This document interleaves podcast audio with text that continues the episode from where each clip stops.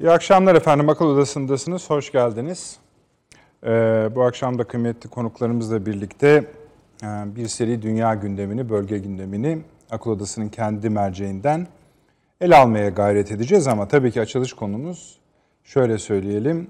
Vatiye'nin sırrı ya da Vatiye üstünde ne oldu? Öncesi, sırası, sonrası, perde arkasına açılışta biraz ona değişeceğiz. Yaklaşık 3 gündür Vatiye'nin failleri aranıyor. Hem Türkiye'de ciddi bir tartışma konusu hem bölgede hem de dünyada.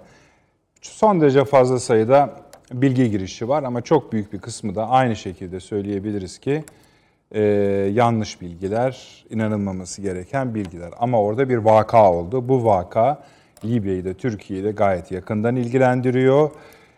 Genel kabul şu yönde efendim ki bunların da zaman içinde bazı yönlerinin yontulacağını, düzeltileceğini tahmin ediyoruz. Mısır'dan kalkan, Mısır havaalanlarından kalkan genel bir ifadeyle söylüyorum. Birleşik Arap Emirlikleri'ne ait uçakların Libya'da başkent Trablus'un kuzey batısında Vatiye üstünde yani Türkiye'nin Türkiye'nin üssü olacak Vatiye hava üstünde askeri üssünü vurdukları, birden çok vuruş yaptıkları, burada bir takım zayiat verdikleri son derece 3 gündür konuşuluyor, tartışılıyor. Bir kısım fazla ses çıkarıyor, bir kısım hiç ses çıkarmıyor. Sessizlerden birisi de Ankara.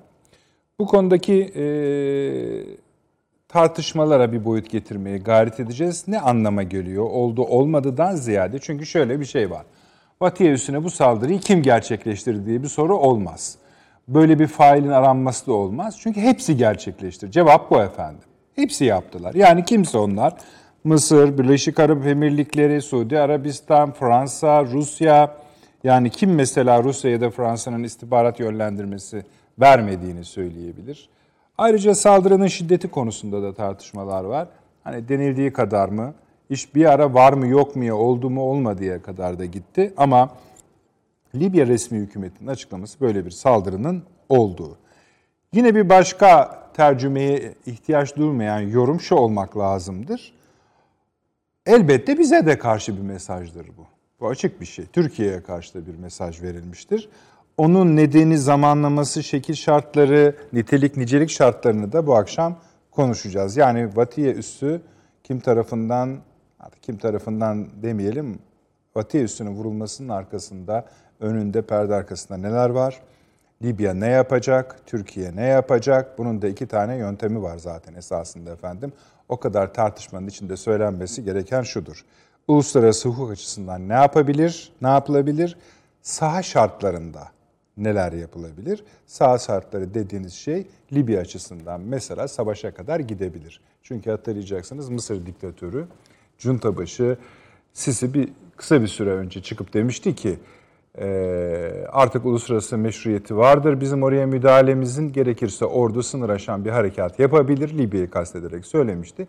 Trablus hükümeti de çıktı dedi ki bu savaş ilanına kadar gider. Böyle bir şey kimsenin hakkı olamaz. Cevabını alırlar demiş idi. Durum budur. Ama tabii bu şekilde tartışılmıyor. Birçok görüşme var. Sayısız görüşme var. Bunların hepsi de önemli. İtalya Başbakanı'nın bizimle görüşmesi var, Sarraç yönetimiyle görüşmesi var. Özellikle Türkiye-Rusya görüşmeleri var. Özellikle Türkiye-Rusya görüşmeleri. Saldırının hemen ardından Rusya'nın bu konudaki bir numaralı yetkisi Dışişleri Bakanlığı yardımcısı ve aynı zamanda Putin'in Orta Doğu özel, Afrika özel, Orta Doğu ve Afrika özel temsilcisi Bogdanov ile Sayın Moskova Büyükelçimizin görüşmesi var mesela. Bunlar önemli. İtalya Savunma Bakanı Türkiye'de. Biraz önce Sayın Akar'la görüşme yaptı. Muhtemelen yeni bitti. Onun da detayları gelirse sizlerle paylaşacağız. Bunun dışında bir Avrupa Birliği ruhunun canlanması demeyeyim ama Çavuşoğlu Sayın Dışişleri Bakanı'yla Avrupa Birliği uzun ünvanı olan ama normalde Borel. Dışişleri Bakanı diyelim. Josef Borrell'in görüşmeleri var. Burada sert atışmalar da oldu. Avrupa Birliği durumuna da bakacağız. İran-Çin-İsrail ilişkilerine bakacağız bu akşam. İlginçtir. Çok ilginç maddeler var. Aslında biraz şuna da bakacağız. İngiltere, Çin, Amerika üzerinden de bunun hepsini birleştirebiliriz ama hatırlıyorsunuz e, salgın döneminde yeni dünya düzeni ya da yeni normaller üzerine çok sayıda program yapmıştık. Bunu bu akşam buraya bir nasıl söyleyeyim geniş bir parantez açma arzusundayız. Bir sürü alt başlığı var bunun ama Amerika Birleşik Devletleri seçimlerini de buna katarak genel bir değerlendirme yapacağız. Bunların dışında da çok madde var. Yani yeni virüsler Sibirya'dan gelecek gibi başlıkları olan ya da Esad'ın e, Suriye yönetiminin parasının %80'i Lübnan'da sıkıştı kaldığı kadar ayrı ayrı haber başlıklarına dönüşebilecek konularımız var ama önce bir bunları kimlerle konuşacağız onları sizlerle paylaşalım. Profesör Doktor Süleyman Seyfi Öğün hocam burada. Hocam şeref verdiniz. Hoş Sağ geldiniz. Olun, teşekkür ederim. Sayın Fahri Erener burada İstinye Üniversitesi'nden doçent doktor ve emekli Tuğ General Ankara'da Sayın İsmail Hakkı Pekin Paşam var. Genelkurmay İstihbarat Daire eski başkanı. Ee, paşam hoş geldiniz. Beni duyuyor musunuz? Teşekkür ederim. Sağ olun. Teşekkür ederim. Duyuyorum efendim. İyi yayınlar diliyorum. Sağ olun. Çok mersi. Sağ olun. Ee, Sayın Erkan Öz bizimle birlikte olacak. Bu ilk faslı atlatalım. Gazeteci, ekonomist öyle söyleyelim. Bölgeye, dünyaya ilişkin nasıl yani sadece ekonomide dememek lazım değil mi Süleyman Hocam? Tabii tabii. Çünkü aslında Dünya hani, okuması. Sizin sözünüz müydü birkaç program önce? Hani yani bilinç dediğimiz şey parçaları birleştirme yeteneğidir. Tabii, Onlar tabii. için de iğne iplik kullanırız. Hangi iğne ipliği? Evet. Bilgiyi kullanırız. O da Erkan Bey de o terziliği biraz bilen birisi. Bilen birisi. Ailece evet. bilen diyelim daha doğrusu. O da bize katılacak. Biraz eğlenceli bir programa yapmaya gayret edeceğiz. Ama önce bir e, Batı'ya konuşalım. Libya'da konuşmuş olacağız aynı zamanda. Akdeniz'de konuşmuş olacağız. Çünkü cümle öyle. Yani eğer o üssü vurursanız biraz Türkiye'yi de kurşun sıkmış olursunuz. Ankara'nın Akdeniz politikalarına da diklenmiş olursunuz. Da Ankara buna ne cevap verecek onların hepsini konuşalım. Müsaade ederseniz misafirimizden başlayalım Ankara'da. İsmail Hakkı Pekin Paşam. Müsait mi arkadaşlar? Hazır mı? Ee, paşam, e, evet oradan başlayalım. Yani ister Libya'yı başlık yapıp öyle bir giriş evet. yapalım. İsterseniz Batı'ya üstünden başlayalım.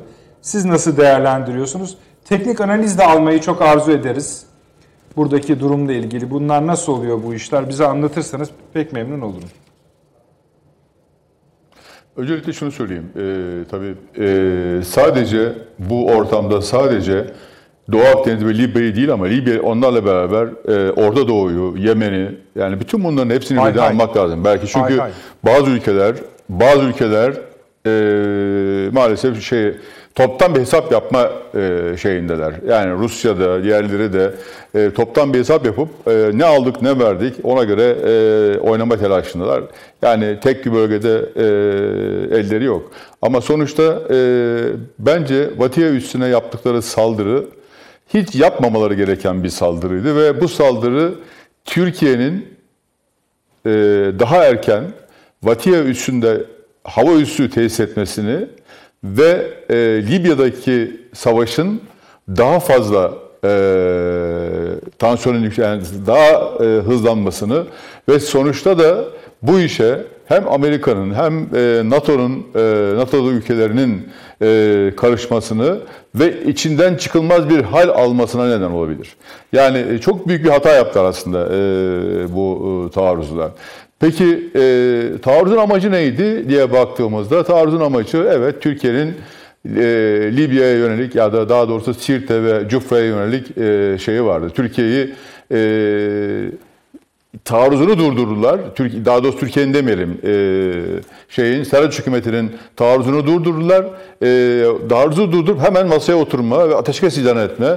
Bu arada işte kendileri soluklanacaklar. Karşı tarafın daha e, belli bir yere gelmeden durdurulduğu için taarruz e, çok fazla ilerleme olmayacak. Böyle bir Türkiye'yi e, ve Saraç hükümetini siyaset siyasi çözüme zorladılar. Olmayınca da bu sefer e, petrol sahalarını e, şeyle Wagner grubuyla işgal edip e, buralarda buraları Türkiye'ye tehdit olarak yani buralara saldırırsanız petrol sahaları da ortadan kalkar ya da petrol sahaları da zarar görür diye Türkiye'yi tehdit etmeye başladılar. Hatta Ruslar uçak gönderdi 14 tane. Bu da e, Türkiye'ye yönelik e, bir tehdit gibi e, algıladı ama Türkiye bunları hiç dinlemedi. Çünkü sonuçta bunların bazılarının içinin boş olduğunu biliyordu ve e, ısrarla Sirte ve Cufra'ya taarruz için hazırlıklarını yaptı. E, hatta Deniz Kuvvetleri Komutanımız gitti önce biliyorsunuz. E, sonra e, Sayın Dışişleri Bakanı gitti. E, MİT Müsteşarımızı götürdü yanında. Arkasından e, Savunma Bakanı ve Genelkurmay Başkanı gitti. Bunlar çok önemli olaylardı ve e, Türkiye o bölgede üst tesis etme, e, hava üssü ve deniz üssü tesis etme. Bunlardan bir tanesi işte Vati üssü, diğeri de herhalde Misrat olması lazım e, o bölge. E, bir e, deniz üssü teşkil etme e, niyeti vardı. Ve dolayısıyla e, ürettiğimiz malzemeleri Türkiye yavaş yavaş e, en yeni malzemeleri orada oralarda kullanmaya, o bölgelerde e, hem kullanma hem de test etme imkanını da e, buluyordu. Şimdi e, özellikle olayın Sayın e, Sayın e, Savunma Bakanı'nın ve e, Genelkurmay Başkanı'nın şeyinden sonra, ziyaretinden sonra yani oradan ayrılıp Malta'ya gittikten sonra o gece vuku bulması, beşi sabaha karşı vuku bulması e, enteresan bir şey. E, tabii kim yaptı lafı biraz evvel e, şeyin başında da söylediğiniz gibi konuş, e, programın başında e, herkes yani Türkiye'ye karşı cepte olan herkes bu işten sorumlu. Yani sadece e, kim yaparsa yapsın sonuçta birisi aracı olarak kullanılıyor e, ve e, topu herkes birbirine atıyor. Peki e, Birleşik Arap Emirlikleri'nin yaptığı söyleniyor. Hatta e, şeylerle e, yaptığı Fransız uçaklarıyla yaptığı söyleniyor.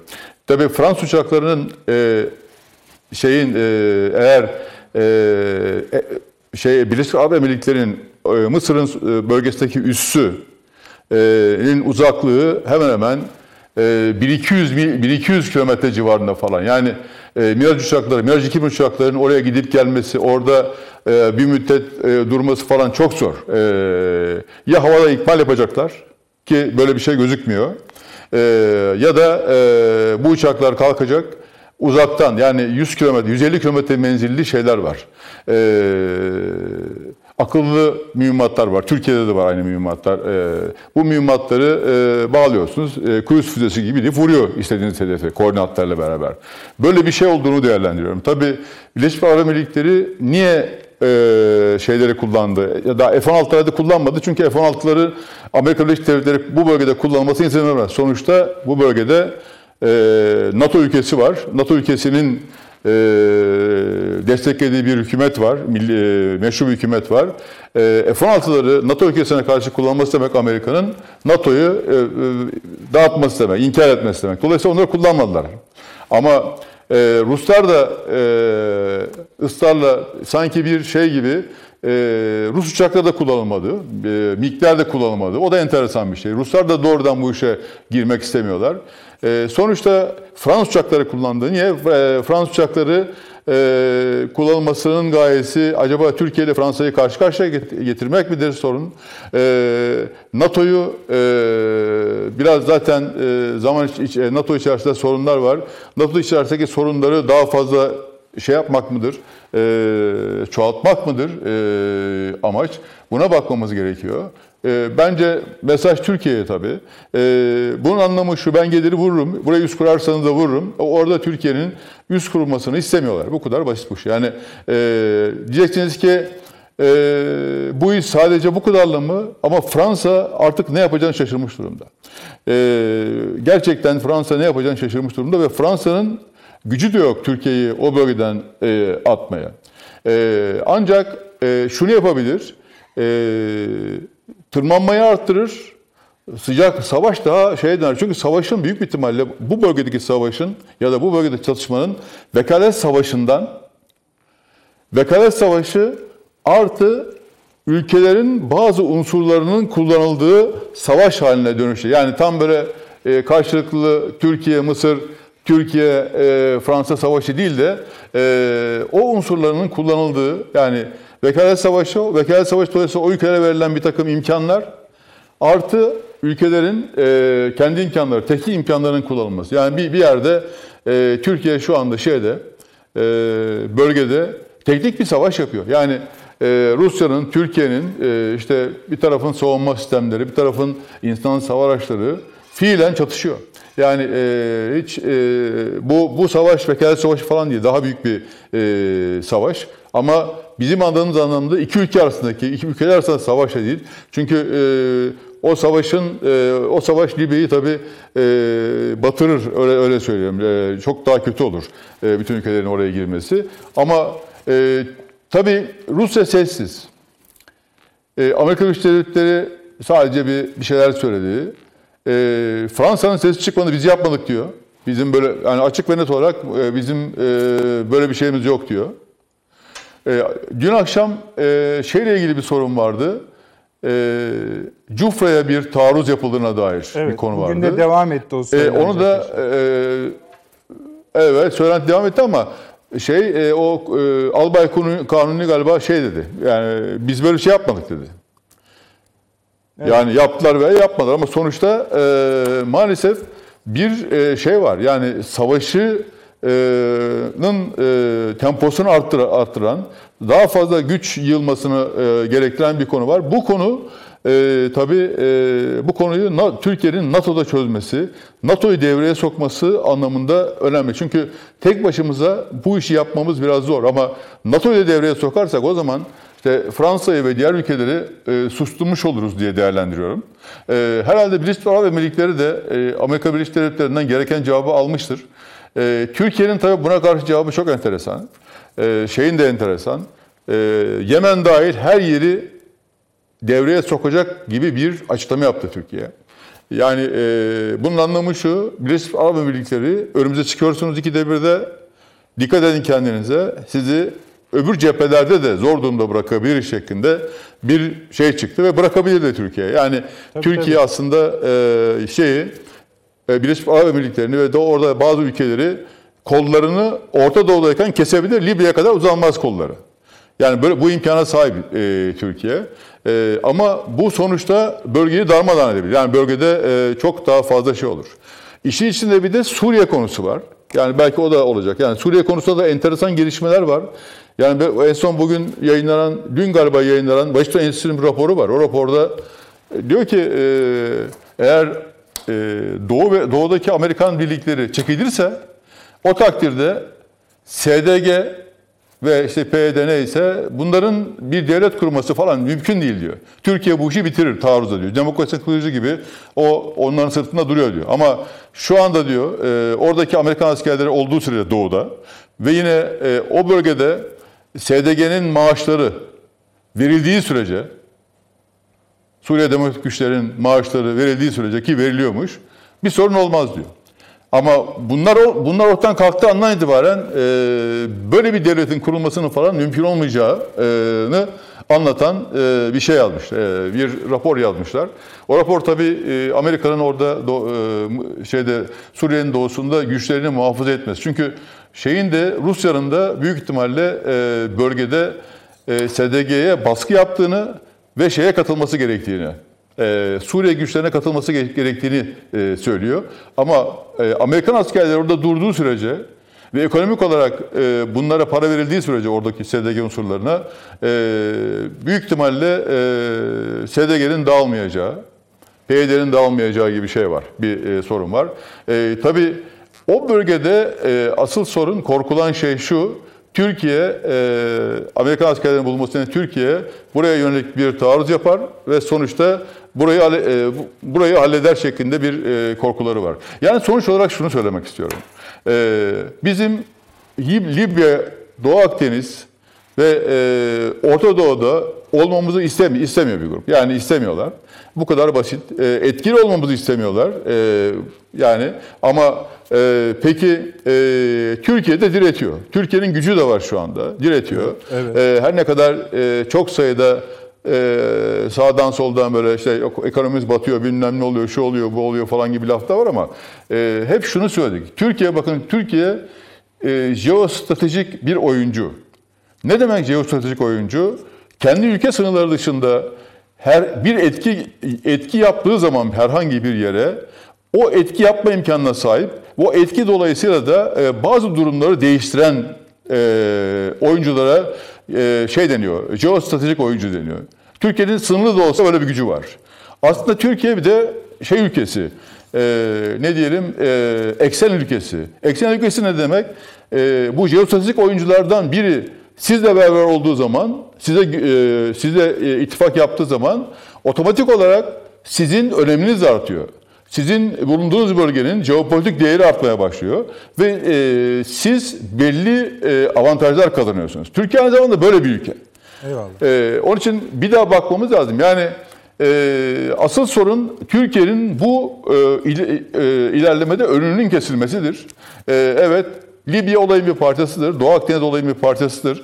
E, şey de öyledir e, ama bunları birbirine ayırmak doğru mudur, değil midir? Belki tartışma açısından birbirine ayrılabilir ama Türkiye'nin karşısındaki cepheye baktığımız zaman 3 aşağı 5 yukarı Doğu Akdeniz'de de e, şeyde de Orta Doğu'da da diğer bölge, e, Libya'da da aynı 3 aşağı 5 yukarı aynı ülkeleri görüyoruz.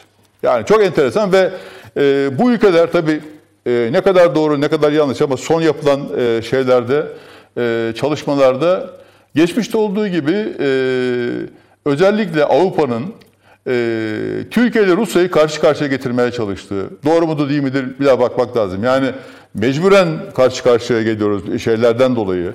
E, menfaatlerimizden dolayı, milli menfaatlerimizden dolayı getirip geçmişte olduğu gibi savaştırmak ve onların zayıflığına istifa etmek suretiyle Avrupa'yı güçlendirmek. E, İngiltere, Amerika'nın da İngiltere'yi Avrupa'da ayırmak suretiyle ki orada da çok enteresan gelişmeler var. Mesela bu e, Huyevi e, şeyin 5. nesil e, te- şeylerle ilgili e, sistemlerle ilgili e, bir rapor hazırlamışlar. E, rapor herhalde yakında şey verecek, e, Johnson'a verecek. Büyük ihtimalle vazgeçecekler Çin'e yaptırmaktan. Yani Amerika'nın güdümündeler şu anda. Her ne kadar bir ara e, aralarında bir takım şeyler varsa da. Dolayısıyla e, Amerika da burada, e, yani Çin de ayrı bir e, konu. Şey, e, düzeltiyorum. İngiltere de ayrı bir konu. Mesela İngiltere'den ses çıkmıyor. İsrail'den ses çıkmıyor. İsrail de bu işin içerisinde ama ses çıkmıyor İsrail'den. Ee, Arapları öne sürüyorlar. Araplardan ses çıkıyor. Rusları öne sürüyorlar. İşte Ruslar biraz e, mırın kırın ediyor. Fransızlar biz yapmadık diyor. Yani e, bütün bunlar yani e, bütün bunlar şunu paşam. bize. Bu turu böyle bu tamamlayalım arzu ederseniz. devletlerin evet devletlerin şeyi var. Devletlerin bu konuda güçleri var bölgede ve e, bölge sadece vekalet savaşlarına gebe değil. Vekalet savaşları artı devletlerin güçlerine e, gebe diye değerlendiriyorum. Tamam. Devam edeceğiz zaten. Paşam hani dediniz ya ben büyük resimden bakmak, devam etmek, konuşmak isterim. E doğru adrestesiniz. Zaten öyle yapacağız bu akşam. En geniş açıyı alacağız. Global perspektife bakacağız. E, ama şu sizin başta e, Hakkı Bey'in bahsettiği kronolojiyi bir izleyicilerimiz için çünkü ilginç bir kronoloji akışı o. Tekrarlamakta fayda var. Kısaca tabii. Şimdi bu adamların huzursuzlandıkları ilk vaka şu. Yani en çok rahatsızlık hissettikleri, daha doğrusu hani sancılanmaya başladıkları. Dışişleri Bakanı Çavuşoğlu, Cum- Cumhurbaşkanlığı Sözcüsü Sayın Kalın, Maliye Bakanı Sayın Albayrak ve MİT Başkanı Hakan Fidan'ın ilk Libya çıkarmaları. Tarih 17. 17.06. Sonra e, Deniz Kuvvetleri Komutanımız Oramiler Özbal'ın Sidde Askeri Deniz Üstü'nde Genelkur Libya Genelkurmay Başkanı ile yaptığı görüşme var. Bu sahaya yönelik düşüncelerini bu koalisyonun, şehir koalisyonun çok arttırdığını gösteriyor, hissettiriyor. O zaman bize de ardından da Milli Savunma Bakanı Sayın Akar'la Genelkurmay Başkanı Sayın Güler'in, Orgeneral Güler'in Libya ziyareti gerçekleşiyor. Dönmüyorlar. Geceyi Akdeniz'de e, Samsun, TCG Samsun'da geçirip Malta'ya geçiyorlar. Şimdi bunların hepsini adamlar görüyorlar. Şeyi de hatırlatmak isterim arkadaşlar. Bu dört numarayı bir verebilir misiniz? Burada Sayın Akar'ın e, Libya'da yaptığı çok enteresan. Bugün ya bir ya iki gazetede ben bunu gördüm. Çok ilginç bir şey. BBC'ye bir röportaj veriyor Sayın Akar. Fotoğraf bu. Yani fotoğrafın fonu bu. Arkasında ele geçirilmiş bir Rus savaş helikopteri var. Uzakta da işte o daire içinde görüyorsunuz. O bir e, Rus savaş uçağı etkisiz hale getirilmiş. MiG-25. BBC'ye veriyor Sayın Bakan bu röportajı. Teşekkür ediyoruz arkadaşlar aldık. Bunların hepsini adamlar tabii görüyorlar. Durumu da anlıyorlar. Yani arada İtalya Savunma Bakanı'nın bahsettiğim Trablus'a gelmesi var. Sayın Sarac'ın Roma'ya gitmesi var. Başbakanlar arasında görüşme. Herhalde şöyle anlıyorlar. Bir şey üstümüze doğru geliyor. Buna ilişkin hazırlıklar var. Bu hazırlıkların en görüldüğü yer Sirte ve Cufra. Oraya gelecekler ve sonunda da böyle bir girişimde bulunuyorlar. Bu girişimden şu sonuçlar çıkabilir ama bir, oraya üst kurmanızı istemiyoruz. Sirte ve Cufra'dan da uzak duracaksınız. Güzel bunlar alt başlıklar. Fakat üst başlık şu. Bu işi burada donduralım, masaya oturalım, bu şartlar üzerinden konuşalım. Türkiye'de belki bu uluslararası platformun masanın kurulmasını istiyor ama sahana kadar Türkiye Ankara açısından yeterince olgunlaşmış bunu bilmiyoruz. Kronolojisi böyle Sayın Hocam. Sizden devam edelim müsaade ederseniz. Estağfurullah. Sonra zaten paşam biraz daha teknik şeylere girecek evet. anladığım kadarıyla. Evet teknik meseleleri ben tabii çok iyi bilemeyeceğim tabii. ama genel bir resim var. Buna bakmakta fayda var. Bir kere e, paşanın söylediği doğru. E, bir bütüncül perspektiften bakmak gerekiyor. E, bir kere Türkiye-Rusya ilişkileri üzerinden işte bu Suriye'de ilk defa karşımıza çıktı Suriye meselesinde e, ve Libya'ya taşındı. Bir kere buradan bir bakalım. Rusya'nın amacı ne? Buralarda ne yapmaya çalışıyor? Niçin Suriye'de ve niçin Libya'da? Hani Suriye'de olmasını biz biraz normal gördük. Çünkü eskiden beri bağları güçlü ve bir davet var, açık davet var. O davet üzerine geldi. Rusya ne yapmak istiyor? Rusya'nın yapmak istediği iki şey var.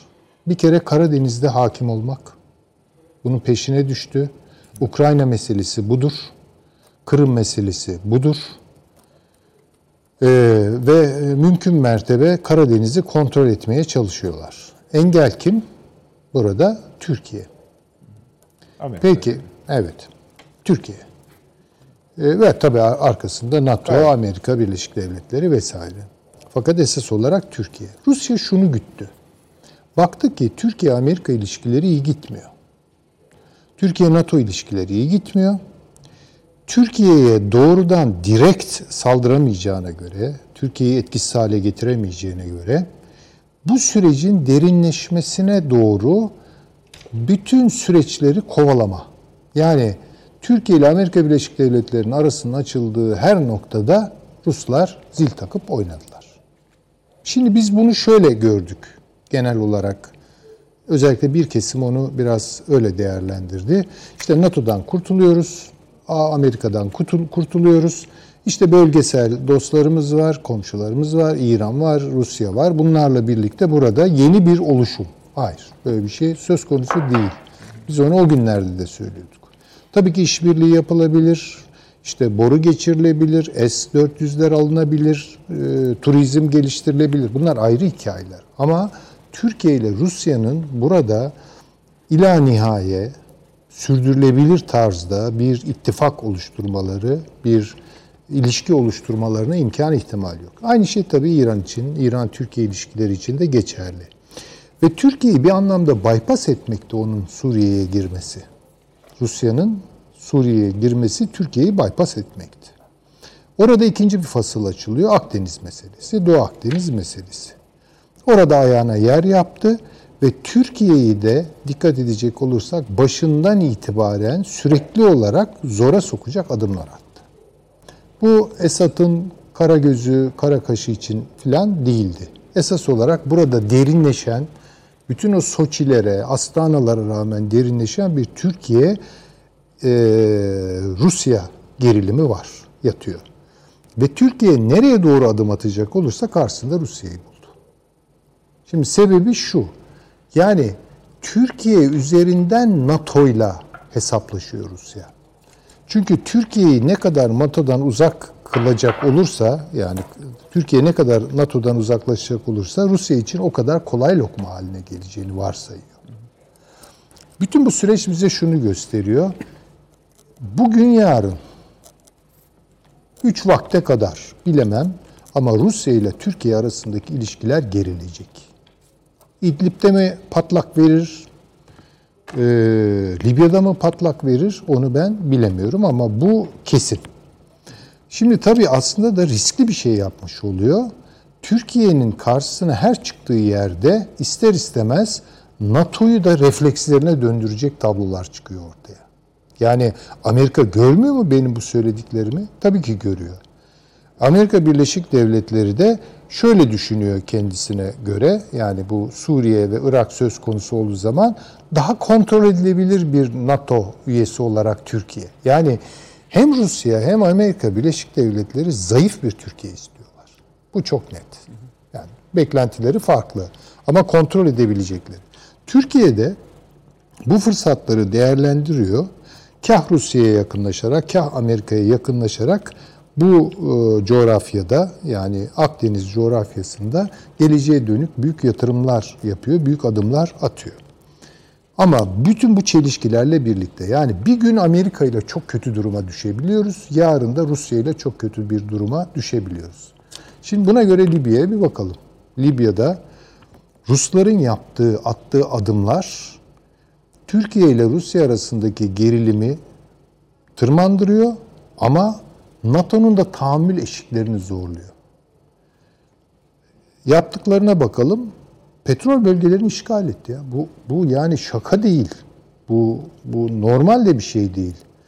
Bunun NATO'nun buna refleks vermemesine imkan ihtimal yok. Dolayısıyla Libya'da Türkiye üzerinden Rusya ve Amerika Birleşik Devletleri arasındaki ipler de geriliyor.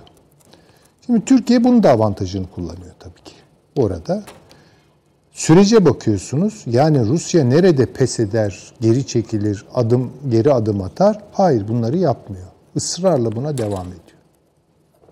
Şimdi eğer böyle bir gerilim varsa hem Türkiye Rusya arasında hem Amerika Birleşik Devletleri ile Rusya arasında artık oradaki savaş vesayet e, kodlarına oturabilecek bir savaş olmaktan ister istemez çıkıyor. Ben bu Vatia meselesini de böyle görüyorum. Ha buna eklemlenen başka şeyler var.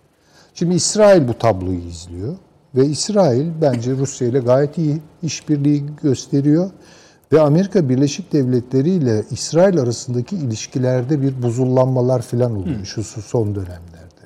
Bu nasıl çıkacak, nasıl çözülecek onu ben bilmiyorum. Ama şu an Rusya ile birlikte hareket ediyor İsrail. İkincisi Çin'le ilişkilerini geliştiriyor. Bu orta vadede İsrail ile Amerika Birleşik Devletleri arasındaki ilişkileri de bozacak. Daha doğrusu bozacak demeyeyim ama istikrarsızlaştıracak bir e, sonuç doğuracaktır. Birleşik Arap Emirlikleri ve e, Suudilere gelince onların dertleri de büyük ölçüde bu Müslüman kardeşler olarak gördükleri hareketlerin kendilerine sıçramasını engellemek. İşte Tunus'ta tutundular. Yarın bu Libya çok çürük bir dal olan eğer e, Mısır'da düşerse çok kötü tabii. Bu aynı zamanda İsrail'de alarm edecek olan bir şey. Dolayısıyla böyle orada bir takım dizilimler ortaya çıkıyor ama bunlar ittifak değil. Bunlar dayanışmalar ya da işbirlikleri. Yani şöyle de görmeyelim ya Türkiye yapayalnız bu kadar işte Rusya'sı, İran'ı, şey pardon İran diyorum, e, Suudi'si, e, efendim söyleyeyim Birleşik Arap Emirlikleri bir araya gelmiş. Fransa da buna eklemlenmiş. E, dolayısıyla Türkiye yapayalnız. Hayır öyle bir şey yok. Türkiye burada yalnız değil. Bir bir kere Afrikom e, ve NATO çevreleri büyük ölçüde Türkiye'nin yanında. Yani bunu çok gönüllü yapmıyorlar belki ama oradaki Rusya'nın attığı Rusya'nın sayesinde yapıyor. sayesinde yapıyor ve ben onu da söyledim. Yani Rusya bir Doğru. şans orada Doğru. Türkiye'nin olması için. Ee, Dolayısıyla orada bir e, destek var. İtalya'dan artan bir destek var. Malta ziyareti dikkat edin bu İngiltere demektir. Yani Malta öyle lalettayn Birazdan NATO demektir. Biraz NATO ve. İngiltere demektir. yani şu an o zaman Türkiye, İngiltere, Amerika Birleşik Devletleri, Afrikom gibi unsurlar da burada o ısınan e, bölgede yakınlaşmalar içerisindeler. Buradan ne çıkacak? Buradan bence e, şimdi hepimiz şunu düşünüyoruz. Yani Vattiya saldırısına Türkiye nasıl bir cevap verecek? Hayır. Bu esas olarak bahsettiğim yani buna Amerika Birleşik Devletleri nasıl cevap verecek? Çünkü bu, bu çok cüretkar bir adım. Yani Rusya tarihinde hiçbir zaman bu şekilde Avrupa'nın yumuşak karnında, güneyinde böyle bir operasyon yapmadı. Öyle değil mi? Ne, yani mesela şu an görünürde Rusya yok ama. Ama şimdi bilmiyorlar mı Rusya Gayet olduğunu? Yani şimdi tabii. bunların yani bu tabii dediğim gibi e, eğer masaya getirilirse Rusya masadan kaçmak için bir sürü kart açabilir ama herkes bunun gayet iyi farkında. Yani Wagner'in ne olduğunu da biliyorlar. Oradaki Rus uçaklarını işte o fotoğrafta çok net olarak gözüküyor. E, Rus helikopteri vesaire neyse. Doğru. Yani. yani bunu tabii kimse yutmaz. Apaçık söylemek lazım. Fransa'nın durumu hakikaten çok kötü. Çünkü hem NATO ülkesi hem NATO'ya aykırı bir güçle aynı safta olma gibi bir e, sıkıntı içerisinde. Bu zaten nazik olan Fransa-NATO ilişkilerini daha da nazik, daha da kırılgan hale getiriyor. E, dolayısıyla onlar düşünmek durumunda bence. Yani tabii buna cevap verilir, verilmez, zamanı gelir, gelmez onu bilmiyorum. Ama bu resim içerisinde bence artık daha fazla korakor mücadelelerin, savaşların tırmanacağı bir iklime doğru gidiyoruz. Yani bir gün NATO müdahale edebilir oraya. Çok açık bir şekilde yapabilir bunu. E, e, İsmail Hakkı Bey de NATO'yu hatta biraz daha olsa iyi olur diyor. Bilmiyorum. Hani ama petrol bölgeleri gidiyor. Yani bu ne demek? Rusya'nın bu apaçık bir meydan okuması. Yani sadece orada bir üste işte Wagner askerlerini bulundurmak, iki tane uçak indirmek, kaldırmak değil ki mesele. El koyuyor Libya'ya. Amerika Birleşik Devletleri bunu istemiyor. Çünkü Suriye'de yaşanan şeylerin Libya'da yaşanması manasına geliyor. Orada Rusya yarın üst kurarsan olacak. Ki taleplerinden biri de galiba bu. Ha. Dolayısıyla şimdi bunun, bu, bu savaşı nereye oturtacaklar? Türk-Arap savaşına mı oturtacaklar? Şimdi bu bir şeye dönüşecek bu. Böyle kalmaz. Yani Wagner'e Magner'e kalmaz bu işler. Yani işte Türk gemileri orada, uçaklar orada vesaire. Yani bu işte Fransız donanması da bir yerlerde. Geri çekildiler gerçi ama takip ediyorlar tabii ki. Mısır biraz e, dişlerini gösterdi kendine göre. Biraz dişleri çürük ama neyse yani bir diş gösterdi. Isırmasa da keser. Evet yani Birleşik Arap Emirlikleri kendini ortaya koyuyor vesaire. Yani demek istediğim bu işin biraz daha bence büyüyebileceği ve daha belki konvansiyonel savaş sınırlarını zorlayabileceği bir noktaya doğru gidiyoruz. Ama burada Türkiye yalnız kalmaz. Yani Türkiye'nin belli ilişkileri Peki. var. Bence bunun hesabını da yapıyor. İsmail Hakkı Bey bir şey söylüyordunuz galiba. Ben şunu söyleyeceğim. Fotoğraf, e, Sayın e, Savunma Bakanı'nın fotoğrafı özellikle o görüntünün e, önünde çekilmiş. Yani bir tarafta e, Rus helikopteri, öbür tarafta Rus uçağı gözüküyor. Bu karşıya verilen bir mesaj aslında. Evet. Yani e, bakın biz sizin ne yaptığınızın farkındayız. Bir daha Bunları biliyoruz. Abi. Yani bu iş sadece biraz evvel hocamın söylediği gibi Wagner grubu falan değil yani. Daha büyük bir olay. Bir de hocam e, şu konu çok önemli belki.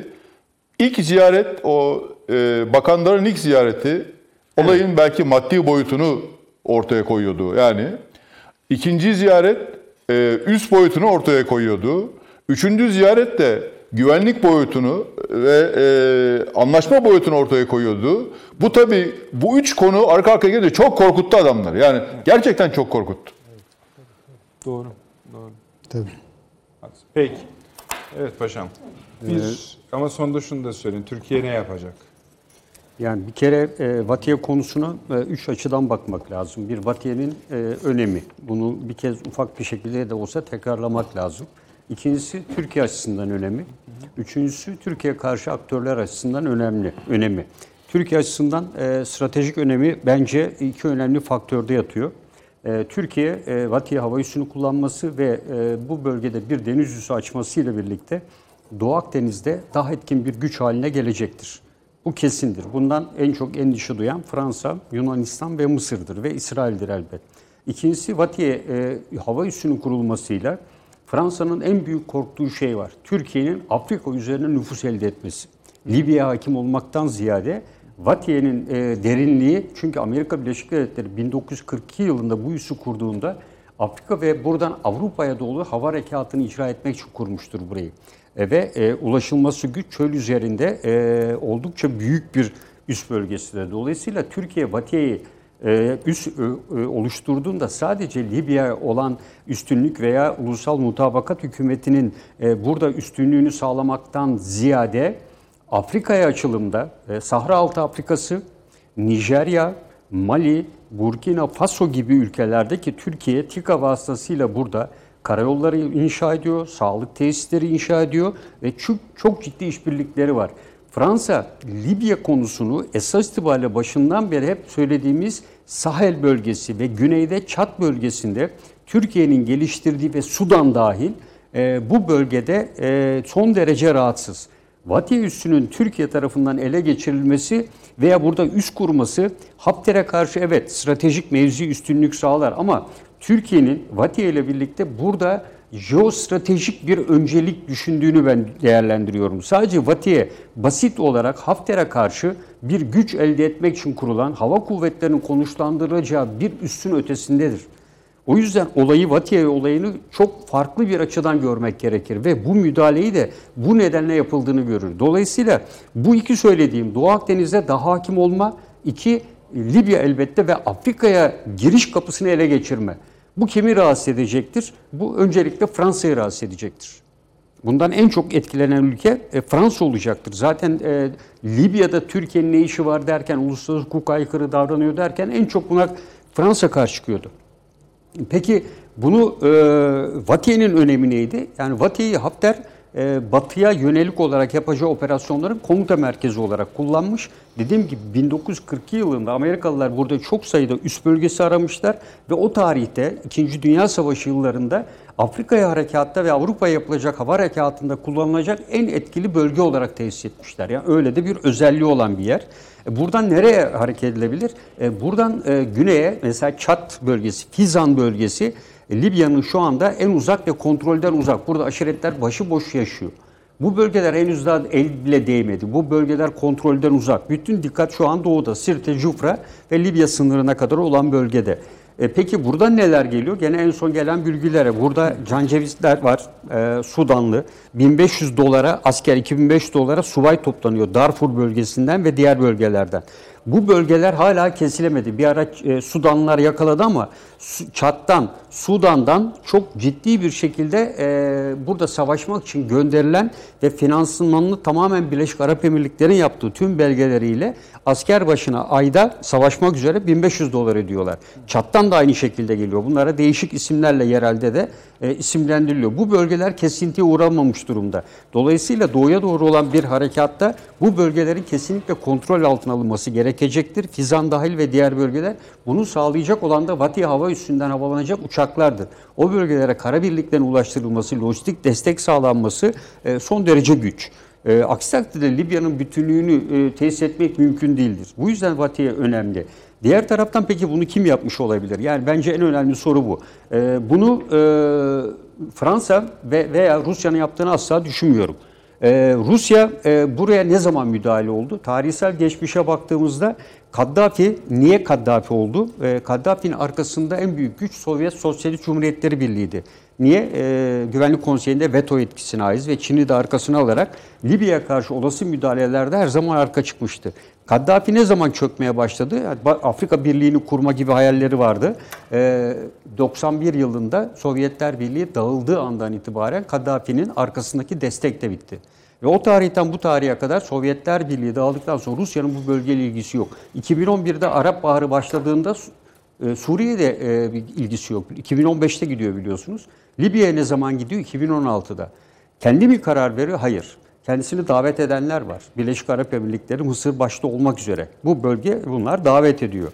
Fakat bunlar davet ettiğinde yine aynı yöntemi izliyorlar. Kaddafi'nin Sovyet Sosyalist Cumhuriyetler Birliği'ndeki ağırlığından yararlanmak. Yani buraya Rusya'yı davet ederken Birleşik Arap Emirlikleri arkamıza yine Amerika Birleşik Devletleri e, bu, bu safhada malumunuz e, sessiz bir diplomasi izliyor. Müdahaleden uzak e, sadece izlemekle yetiniyor. Yani CIA vesaire gibi şeyler hariç. Bu durumda arkalarında bir güç almak istiyorlar. Yani etkili olan. Yani Fransa bunu sağlayacak bir yapıda değil. Çünkü Amerika ile olan bir takım e, karşılıklı e, anlaşmazlık konuları var. E, Türkiye ile ciddi şekilde var. E, o halde Suriye'de de başarılı olmuş. Amerika karşısında olmuş. Akdeniz'e inmiş. E, ve bu konuda kendine güveni artmış olan bir Rusya'nın yanlarında olmasının bu bölgede kendilerinin daha e, etkin olabileceğini düşündüler. Ve bu yüzden Rusya'yı buraya davet ettiler ve getirdiler. Her türlü maliyetini ve masrafını da karşılayarak. Ancak Rusya buraya geldiğinde karşıda gördüğü saha ile buraya gelme hedefi arasında derin bir uçurum gördü. Ve Mısır'ın özellikle Mısır'ın kendisini kullanmak istediğini düşündü. Ee, ve e, bunu ne zaman anladı? Fransa ile birlikte Sisi'nin yaptığı açıklama ve en çok da Sisi'nin Libya'ya müdahale ederiz açıklaması Rusya tarafından ve onun yetkilileri asla tasvip görmedi. Yani biz e, böyle bir şeye izin veremeyiz dediler. Ve dolayısıyla su, Rus gazetelerinde de yazıyor. Biz şu anda Libya'da petrol tesislerin başına çöken bir ülke gibi olduk diyor. Amerika'yı deviz orada eleştiriyorduk. Şimdi aynı şeyi biz yapmaya başladık diyor. Dolayısıyla bizim burada varlığımız Kaddafi döneminden beri gelen Libya üzerindeki e, Sovyetler Birliği ve Rusya'nın politikasının dışında e, tamamen e, o zaman ideolojik anlamda destek sağlanıyordu. Şimdi biz burada petrol için buradayız diyor. E, ve e, Rusya'da biliyorsunuz Dışişleri Bakanı ile Savunma Bakanı'nın iki farklı e, görüşü var. Biri askeri müdahale diyor, öbürü diplomasi diyor. Ama sonuçta ikisi de Libya'da olalım diyor. E, ve ne açıklama yaptılar? Bizim orada askerimiz yok dedi. Bir ülke daha yaptı. Fransa da aynı açıklama yaptı biliyorsunuz. Benim de orada askerim yok dedi. Evet.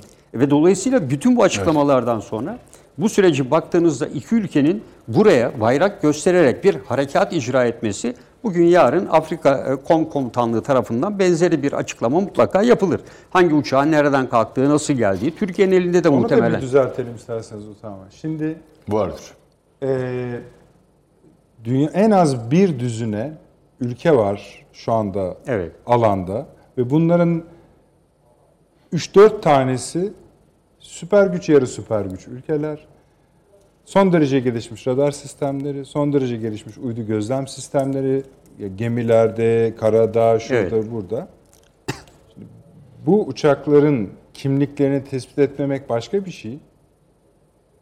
Uçakların hareketini tespit etmemek başka bir şey. Tabii bu uçakların görülmemiş olması mümkün mü? Mümkün değil. Yok yani o sistem tabii orada Türkiye'nin bir hava savunma sistemi Batı'da yok. Orada e, o bölgelerde de etkin bir radar tutalım. ve gözetleme Onu Batı, evet. yani biz genel anlamında var. da öyle. Tabii Amerika yani, şimdi görmedi mi bu hareketi? Görmüş. Yani mutlaka İngiltere takip görmedi. etmiştir uydudan. Herkes e, bunu belirlemiştir.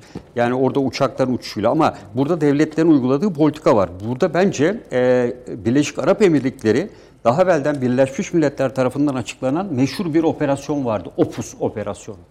Opus operasyonunun amacı neydi? Finansörü Birleşik Arap Emirlikleri'ydi. Ve bu maksatla Ürdün merkezli Amman'da 20 kişilik bir tim yetiştirilmişti. Ve ayrıca yine Moritanya ve Güney Afrika'da da 4 e, tane veya 6 tane helikopter alınmıştı. Malta'dan da 2 tane şişme süratli hücum bot alınmıştı. Ve bunlarla temel e, amaç neydi? Trablusgarp ve Bingazi'ye getirilmişti. Türk Deniz Kuvvetleri'nin ve Türkiye'nin denizden yapacağı yardımları ve desteği engelleyerek operasyon yapmaktı.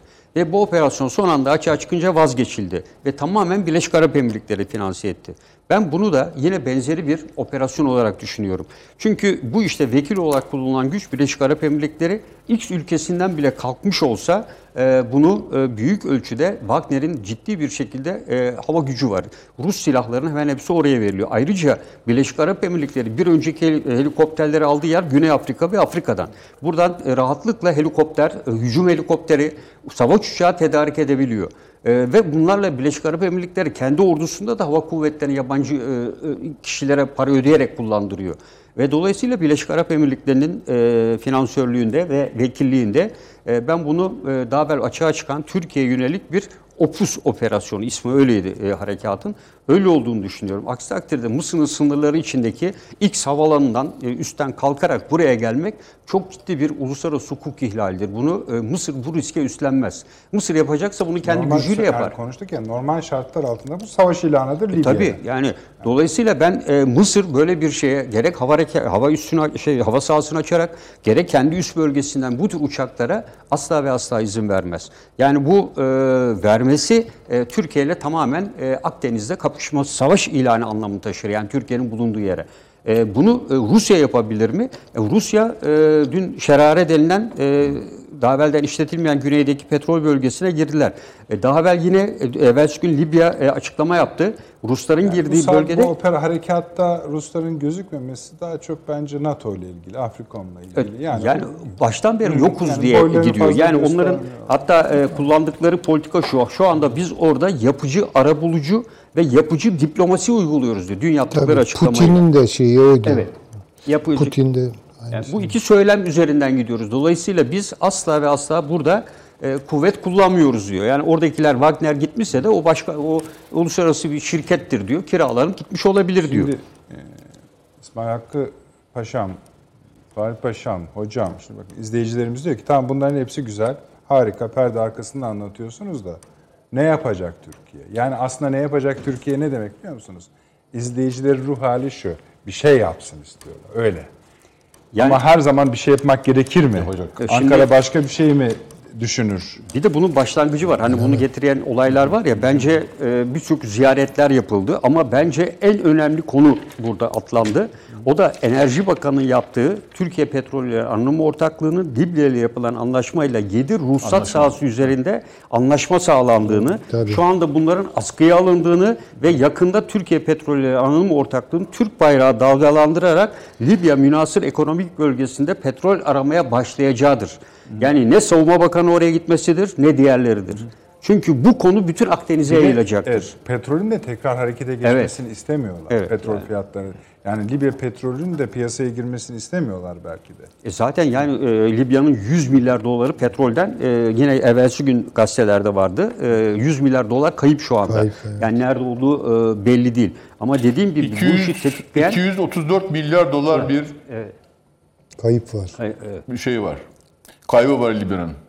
Peki. Bu savaş Yani, dolayısıyla. e, dolayısıyla ben Enerji Bakanı'nın yaptığı e, açıklamanın e, diğer ziyaretlerde elbette burada Türkiye'nin Vatiye'de üst açacağını biz bir aydır basından duyuyoruz zaten. Deniz deniz Madem kuvvetleri hani orada. Kronoloji ekleme Evet. yapıyoruz. Katar ziyaretini de unutmayalım. O onunla arkasından ikinciyi onu söyleyecektim ben. Yani birinci tetikleyen olay bu. İkinci tetikleyen Katar ziyareti de esasında burada Türkiye, İtalyan, Katar e, ortaklığı şeklinde bir yapı e, tesis edilebilir. İkincisi Katar üzerinden e, belki bir şekilde Birleşik Arap Emirlikleri'nin kontrol altına alınması biliyorsunuz hala bu konuda ambargo ve diğer Yani hususlar var. Katar'daki üste mi gönderme Evet yani e, çünkü bir gelişme daha oldu biliyorsunuz iki hafta evvel. Amerika ve İngiltere e, Birleşik Arap Emirlikleri biliyorsunuz Sokarto Adası'nı işgal etti Aden Körfezi'nin karşısında. Ve oraya Birleşik Arap Emirlikleri'ni zaptırap altına almak üzere oraya bin kişilik bir kuvvet gönderdiler öncü olarak. Burada kimin gözü vardı? Aynı anda Çin'in gözü vardı. Birleşik Arap Emirlikleri Çin yakınlaşması Aden'de artınca Çin Büyükelçisini davet etti ve burada üs verebileceklerini ifade etti. Amerika dedi ya sen kimsin kime üs veriyorsun dedi. Ve bunun üzerine bu bölgeye e, Amerika ve İngiltere e, kontrol altına olmak üzere Birleşik Arap Emirlikleri'ni Çin'le olan ilişkilerini engellemek üzere e, kuvvet gönderdiler. Dolayısıyla Birleşik Arap Emirlikleri şu anda yavaş yavaş e, Rusya ve diğer tarafları kullanıyor veya kimi kullanacağını da şaşırıyor. E, ama e, bu Körfez bölgesinde de kendisine yönelik olası bir Türkiye operasyonuyla da e, karşı karşıya kalabilir. Bunun yeri ben e, Vatiye veya e, Libya hava sahası olacağını düşünmüyorum. Bu Birleşik Arap Emirlikleri'nin bulunduğu herhangi bir yer olabilir. Birleşik Arap Emirlikleri Partisi'nin- kuvvetlerinin olduğu Suriye'de olabilir. Tabii, Bugün tabii. Yemen'de e, olabilir. Anadolu Yemen'de Ajansı'nda olabilir. infografik bilgiler vardı. Yemen'de olabilir e, dediğim gibi e, veya e, intikal eden bir askeri gücü de olabilir ama Birleşik Arap Emirlikleri odaklı bir yer olacaktır. Çünkü OPUS projesinde ana hedef Türkiye'di. Bunda da Vatiye'de ana hedef Türkiye'dir. Bunu asla dediğim gibi e, Fransa yapabilir Birleşik ama Arap Emirlikleri'nin kendisi olmaz. Evet, evet. Yani bu Birleşik Arap Emirlikleri'nin e, uçağı ve veya kendi parası neyse Türkiye bunun karşılığını Birleşik Arap Emirlikleri'nden soracaktır. Şimdi Ha, bir buyurun. şey var onu da söyleyelim. Yani bu meseleyi daha da büyütüyor. Şimdi Yemen'i tabii konuşmadık ama e, paşam girdi o konuya. E, Yemen'den de Türkiye'ye davet var Evet, biliyorsunuz. evet. evet. Ve bu adanın ele geçirilmiş olmasını Türkiye hiçbir şekilde kabul etmiyor. Somali'de Türkiye'ye karşı bir hareket başladı biliyorsunuz saldırı oldu. Yani yarın Türkiye'yi Yemen'de görürsek de gene şaşırmayacağız. Ama esas mesele bence şu. Birleşik Arap Emirlikleri adeta kontrolsüz e, bir yönetim tarafından bugün yönetiliyor ve Çin'e yatırım yapmaya başladı. İran'la yakınlaşmaya başladı. Dahası Çin bütün bu gelişmeleri izliyor. Çin Akdeniz'de var mı? Cevabı Taşan Hoca da demin, göndermiş o şeyi. Ee, Kahire e, deklarasyonuna destek veriyor. Tabii bu çok önemli Ve, bir bilgi. Onu e, ikinci bölümde biraz konuşacağız. Konuşalım yani İran'la da anlaşma yaptık. İran'la da Yani anlaşma İran- yaptık. çok önemli. Bir, e, Çin-Mısır ilişkilerinde bu Kahire Deklarasyonu denilen şeyin sizin Taşan. Hoca'dan atıfla söylediğiniz Tabii, tabii. destek vermesi. İki, İran'la yapılan anlaşmanın bu hem askeri bir anlaşma Evet. hem mali bir anlaşma. tabii. Mali anlaşmayı da izleyicilerimiz böyle 50-100 milyon zannetmesin. Yo çok ciddi. Yüzlerce milyar dolar yani 20-25 yıla yayılacak anormal rakamlar söz konusu. Artı hani girizgah yapmış olalım. 3 limanın birden ki bunların içinde Çabar da var. Yani Evet. Gabar'ın paralelinde olan, Gvadar'ın paralelinde olan buraların Çin'e açılması. Ticari olarak değil sadece askeri olarak. da. Cabar Limanı biraz Hintler, Hindistan kullanıyor ama hocam. Yok kullanmıyor. Onun doğusunda Hindistan yeni bir üs kurdu. Jawahar. Gwadara. Gwadara Rakip. e, rakip olarak e, yaklaşık e, 600 kilometre doğusunda yeni bir üs e, oluşturdu. Yeni bir liman oluşturdu. Gwadara rakip olacak şekilde Hindistan. Yok Açılışında Gwadar yaptı. değil, Cabadar. E, Cabar. Şeydeki Pakistan'daki limanı biliyorsunuz. Yok bu İ- Ha, e, e, İran'daki şeydeki Şabar limanı. E, İr, İran'da bu liman. Umman Denizi'nde. Evet. Ve bu doğrudan e, şeye çıkıyor. E, Afganistan üzerinden e, şey Orta Asya'ya çıkıyor. Ya Onu e, İran e, Çin'le olan ilişkisinde o yolu kullanıyor. Tamam. E, özellikle Amerika'nın Çin'e olan yaptırımlarında ve diğer petrolle ilgili konularında e, o yolu Afganistan üzerinde kullanıyor. Zaten Çin'in de Afganistan'da olmasının nedeni bu. Şu anda 125 tane Çin şirketi var. Hep söyledik. Ve Çin şirketlerinin güvenliğini Taliban, Taliban sağlıyor. sağlıyor. Şu anda e, şeyde, Afganistan'da. Afganistan Evet. iyice bambaşka Evet, bir işe yani- dönüşmüş. Yok yok, benim kastettiğim benim kastettiğim e, Hindistan kullanıyor yolu, o yolu. Çin Gwadar Limanı'nı kullanıyor. E, böyle bir durum var şu anda. E, Zaten e, İran'la Hindistan arasında da bir anlaşma yapılmıştı. Yani İran Çin'le esasında e, daha evvel bir anlaşma yaptığı gibi aynı kıyı bölgesinde Hindistan'a da bir bölge vardı. Yani Hindistan'a da burada petrol üretme, rafineri e, kurma ve ürettiği petrolü daha uygun fiyatlarla Hindistan'a nakletme gibi kısa mesafeden. Ona da yine kıyı şeridinde bir bölge vermişti. Esasında Çin'le Hindistan'ı dengelemeye çalışmıştı o bölge içerisinde. Ee, ve e, Hindistan da o kendisine verilen bölgeden kuzeye doğru giden yolu daha kuzeyden giderek kullanıyor ve deniz yolunda kullanıyordu. Ama daha tam tesisten Hindistan kurmamıştı e, bu bölgede. Uza, yani Erkan Bey'i de çok bekletmeyelim. Onu da birazdan yayına alalım. Nasıl olsa açıldı artık dünyaya ama e, İsmail Hakkı Bey, Türkiye fiili olarak ne bir şey yapmalı mı? Ya yapabilirini biliyoruz. Onda bir sorun yok. Sadece Libya'da ya da başka bir yakın bölgede değil isim vermeyelim neyse. E, değil ama başka yerlerde de yapabilir. Yapmalı mı? Neyi tercih etmeli? Kısaca rica edeyim. Devam edeceğiz çünkü. Ben şunu söylüyorum, e, Türkiye e, şu anda yaptığı Türkiye'nin e, kendine karşı olan cepheyi küçültmeye çalışıyor ve arkasındaki cepheyi büyütmeye çalışıyor. Bunun için de büyük bir diplomatik taarruza başladı. Çok büyük bir diplomatik e, faaliyet var e, Türkiye'nin yaptığı faaliyetler. Yani Avrupa'da, NATO'da, Amerika'da, diğer yerlerde. Bu faaliyetler devam ederken e, bence Türkiye bu konuda Türkiye'de Türkiye'nin bu konuda bir şey yapmasına gerek yok. Yani ben e, Türkiye'nin bu aşamada e, şuradan vururum, buradan vururum ya da birdenbire vurması falan. Zaten Türkiye e, şey konusunda e, bu e, ne diyelim e, diplomatik gelişmeler konusunda yaptığı faaliyetleri başarırsa Birleşik Arap Emirlikleri ister istemez boşluğa düşecektir. Yani önemli olan Türkiye'nin onu boşluğa e, düşürmesi. Ben bu işi planlarken şunu şunu söylüyorum efendim. E, şeyde e, mesela Suriye'ye Rusya'nın çağrılmasının arkasında yatan şey İsrail'in isteği. Türkiye'ye karşı e, Türkiye'yi dengelemek Rusya'yla. Acaba e, tabii petrol e, Libya petrolün çıkmasını engellemek olabilir ama e, acaba e, yine bu şeyin altında e, Libya'da Türkiye'yi dengelemek için e, Rusya'da İsrail'in teşvikiyle buraya gelmiş olabilir mi diye değerlendiriyorum. Anladım. Yani İsrail ile Rusya arasındaki ilişkileri biliyoruz. Evet, evet. Yani bu gözden uzak tutulmamalı diye değerlendiriyorum. Şimdi evet not etti not edelim. Ee, ama yani, e, seyircilerimizin de birkaç e, izleyicimizden gelmiş bir soru daha var. Onu hem Fahri Bey hem size sormak istiyorum. Buradaki üstteki malzemeler şimdi e, Libya'nın resmi açıklamasında kullanılan kelime ilginç bir kelime. E, askeri malzeme tamam. Hatta şöyle laflar da işte hava savunma eski e, Nike ne dedi? E, hava savunması E, Halk. e, Halk. halk- Bunlar yeni mi eski? Yok eski. Yani, Bunlar e, eski. Amerikan.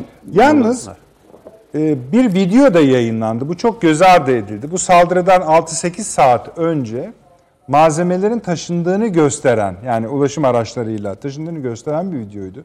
Yani burada kurulu bir sistem değil de sanki malzemeler oraya indikten sonra şimdi önünü kesmek için de vurulmuş gibi e, izle. Bunların hiçbiri zaten bir yere dayanmıyor bu söylediklerim. Açıklamaların yorumunu yapıyorum ve danışıyorum sizlere. İsmail Hakkı Bey öyle midir? Siz nasıl düşünüyorsunuz? Yoksa kurulu da olabilir mi? Ee, yani kurulu olduğunu kurulu değil. Ee, aslında şöyle bir şey var. Bu e, unsurlar e, Misrata Havaalanı biliyorsunuz o bölgede e, bizim insan savaşlarımıza karşı şeyler kullanıldı. Uçaklar kullanılıyordu bir ara. E, Türkiye o e, şey bölgesine, Misrata Havaalanı bölgesine e, hafları gönderdi. Hatta halklarla birlikte hala deneme safhasında onların Hisar O dediğimiz orta menzilli Hisar daha deneme safhasında namlulu e, uçak savaş silahlarını da gönderdi. E, daha bunlar yeni öbür bölgeye yani e, Batı Hava Üssü'nün bir Türkiye için üst bölgesi olma kararından sonra oraya gönderilen e, şeyden Mısır Havalanı'ndan sökülüp oraya gönderilen unsurlar.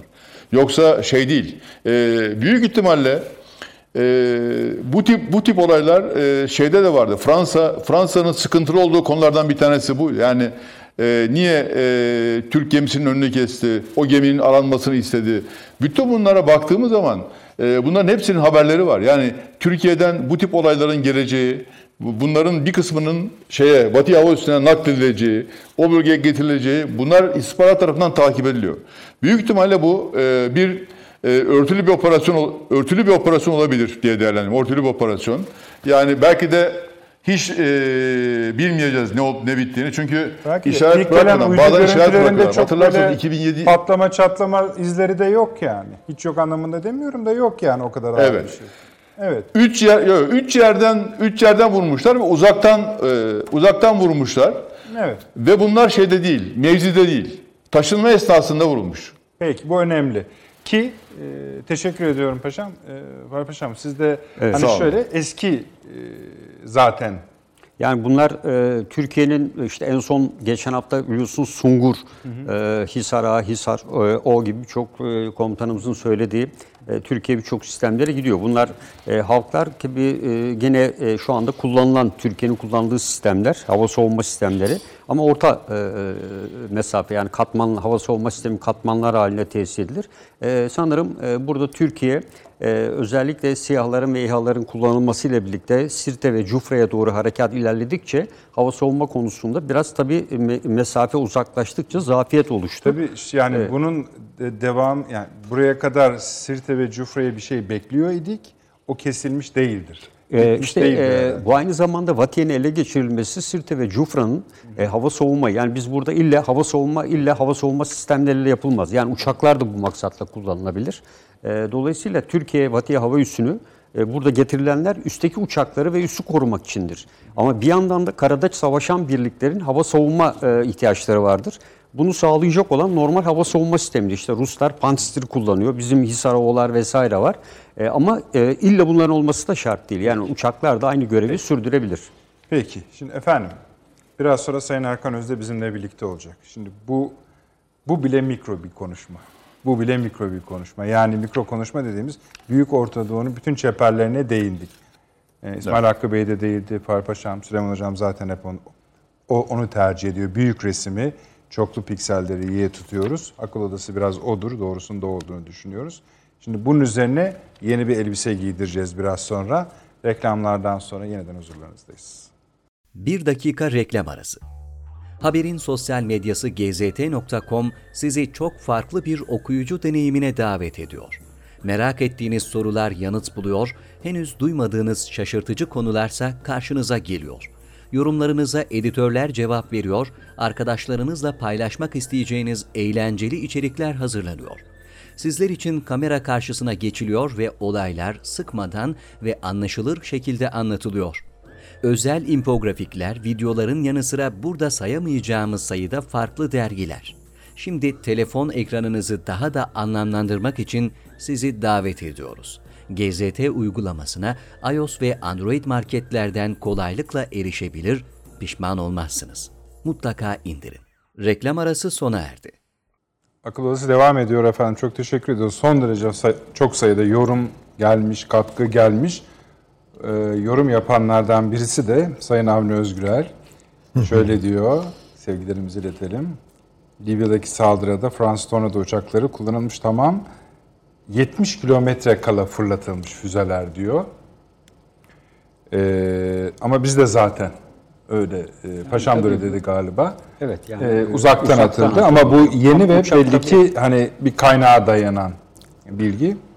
Ee, Sayın Avni Özgür'e de katkılarından dolayı teşekkür teşekkür ediyoruz. Ee, şimdi e, görebilir miyim bütün misafirlerimi? Erkan Bey'e bir merhaba diyelim. Evet. Sayın Erkan Öz bizimle birlikte. Erkan Bey iyi akşamlar. İyi akşamlar Nedret Bey. Sizi biraz beklettik kusura bakmayın ama şimdi telafi edeceğiz işte. Ee, Estağfurullah. Bakmayın. Ben sizinle birlikte olamadım başından beri. Ya Sözünüz var zaten olacaksınız ayrı konu. O seneti daha tahsil etmedik biliyorsunuz. Ee, ama e, ikinci bölüme geçerken zaten yavaş yavaş haritayı biraz büyütmüştük. Ama şöyle yapalım yani Çin konuşuyorduk. Bugün de hatta ben sizde WhatsApp üzerinden mesajlaşırken tesadüfen akşamleyin bu Çin açılımının olduğunu bilmiyordum ama e, başka haberler de size göndermiştim anımsayacaksınız. Ee, özellikle işin ekonomik boyutuyla ilgili olarak. Şöyle yapalım Erkan Bey, siz de başlayalım.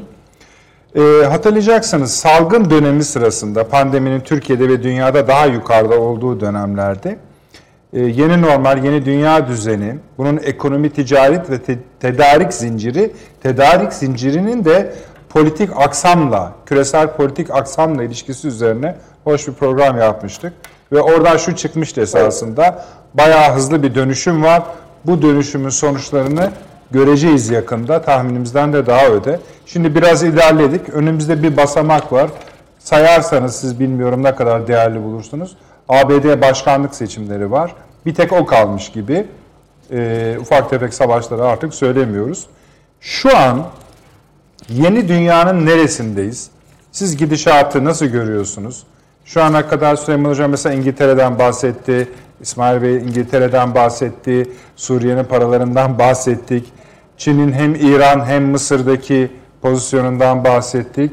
Zaten Çin Amerika ortada. Avrupa Birliği de arasında. İsterseniz bir giriş yapın. Tabii. Öncelikle e, tüm konuklara da merhaba demek istiyorum. Fahri Bey'e, Süleyman Bey'e, İsmail Hakkı Bey'e Sağ olun. e, ve tüm tabii bizi seyredenlere. Şöyle başlayayım Nedret Bey. E, ederiz. bu küresel düzenin evrilmesi ve e, COVID-19'un burada oynadığı rol hakkında son olarak e, Dünya Ekonomik Forumu ve IMF'den e, çok ilginç e, açıklamalar, hareketler görüldü. E, Dünya Ekonomik Forumu The Great Reset diye bir şey ortaya attı. Bunun için internet sitesi kurdu. İşte Dünya Ekonomik e, Forumu Başkanı Klaus Schwab bununla ilgili bir makale yazdı ve bütün küresel örgütleri de buraya davet etti. Birleşmiş Milletler Başkanı bununla ilgili açıklama yaptı. IMF Başkanı bununla açıklama yaptı. Bu ne demek? Büyük reset. Yani demek e, dediler ki bu açıklamalarda özellikle Klaus Schwab e, bu Covid-19 bizim için muhteşem bir fırsattır dedi. Tabii bütün bu örgütler ve özellikle Dünya Ekonomik Forumu ve onun e, bir organizasyonu olan bu Davos görüşmeleri büyük uluslararası finans kapitalin temsilcileri bunlar ve e, biraz da onlar adına konuşuyorlar diyebiliriz. Burada diyorlar ki efendim e, Covid-19 çok güzel bir fırsattır. Dünyaya reset atalım.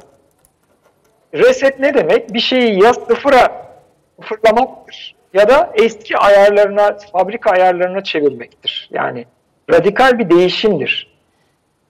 Açıklamalarda bakıyoruz radikal değişim olarak nelerden bahsediyorlar. İşte daha yeşil bir dünya, daha adil bir dünya vesaire gibi böyle biraz boş, e, sınırları çizilmemiş bazı açıklamalardan bahsediyorlar.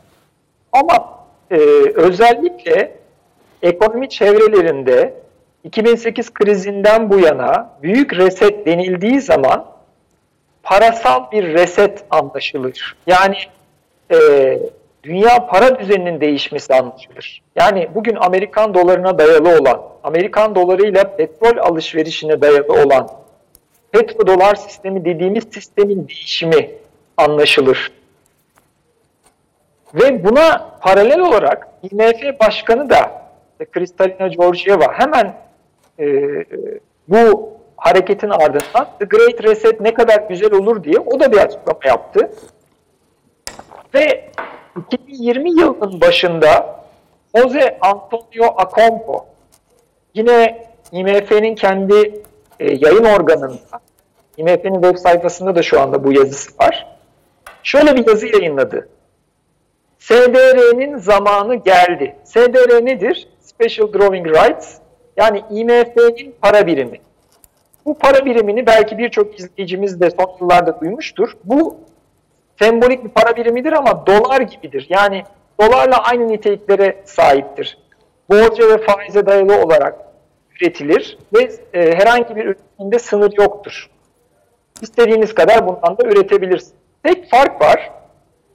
Şu anda özellikle de bu CVD-19 hadisesinden sonra bütün dünya merkez bankalarının bilançoları ağzına kadar dolmuş durumda.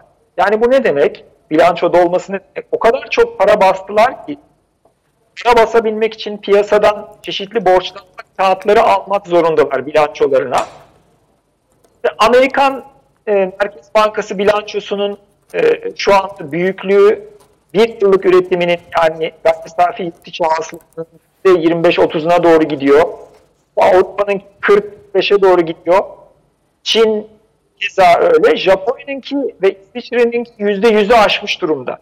IMF'nin burada avantajı şu, SDR ile beraber. Ocampo da öyle yazmış. IMF'nin bilançosu bomboş. Çünkü şu ana kadar basılmış SDR yok. Fazla. Ve Ocampo diyor ki bu Kolombiya'nın eski Maliye Bakanı ve işte Kolombiya şu anda Merkez Bankası'nın e, yönetim kurulu üyesi ve işte kulu, Amerika'daki Kolombiya Üniversitesi'nde önemli bir akademisyen ve işte Birleşmiş Milletler'de ve IMF e, çevrelerinde bilinen tanınan bir isim.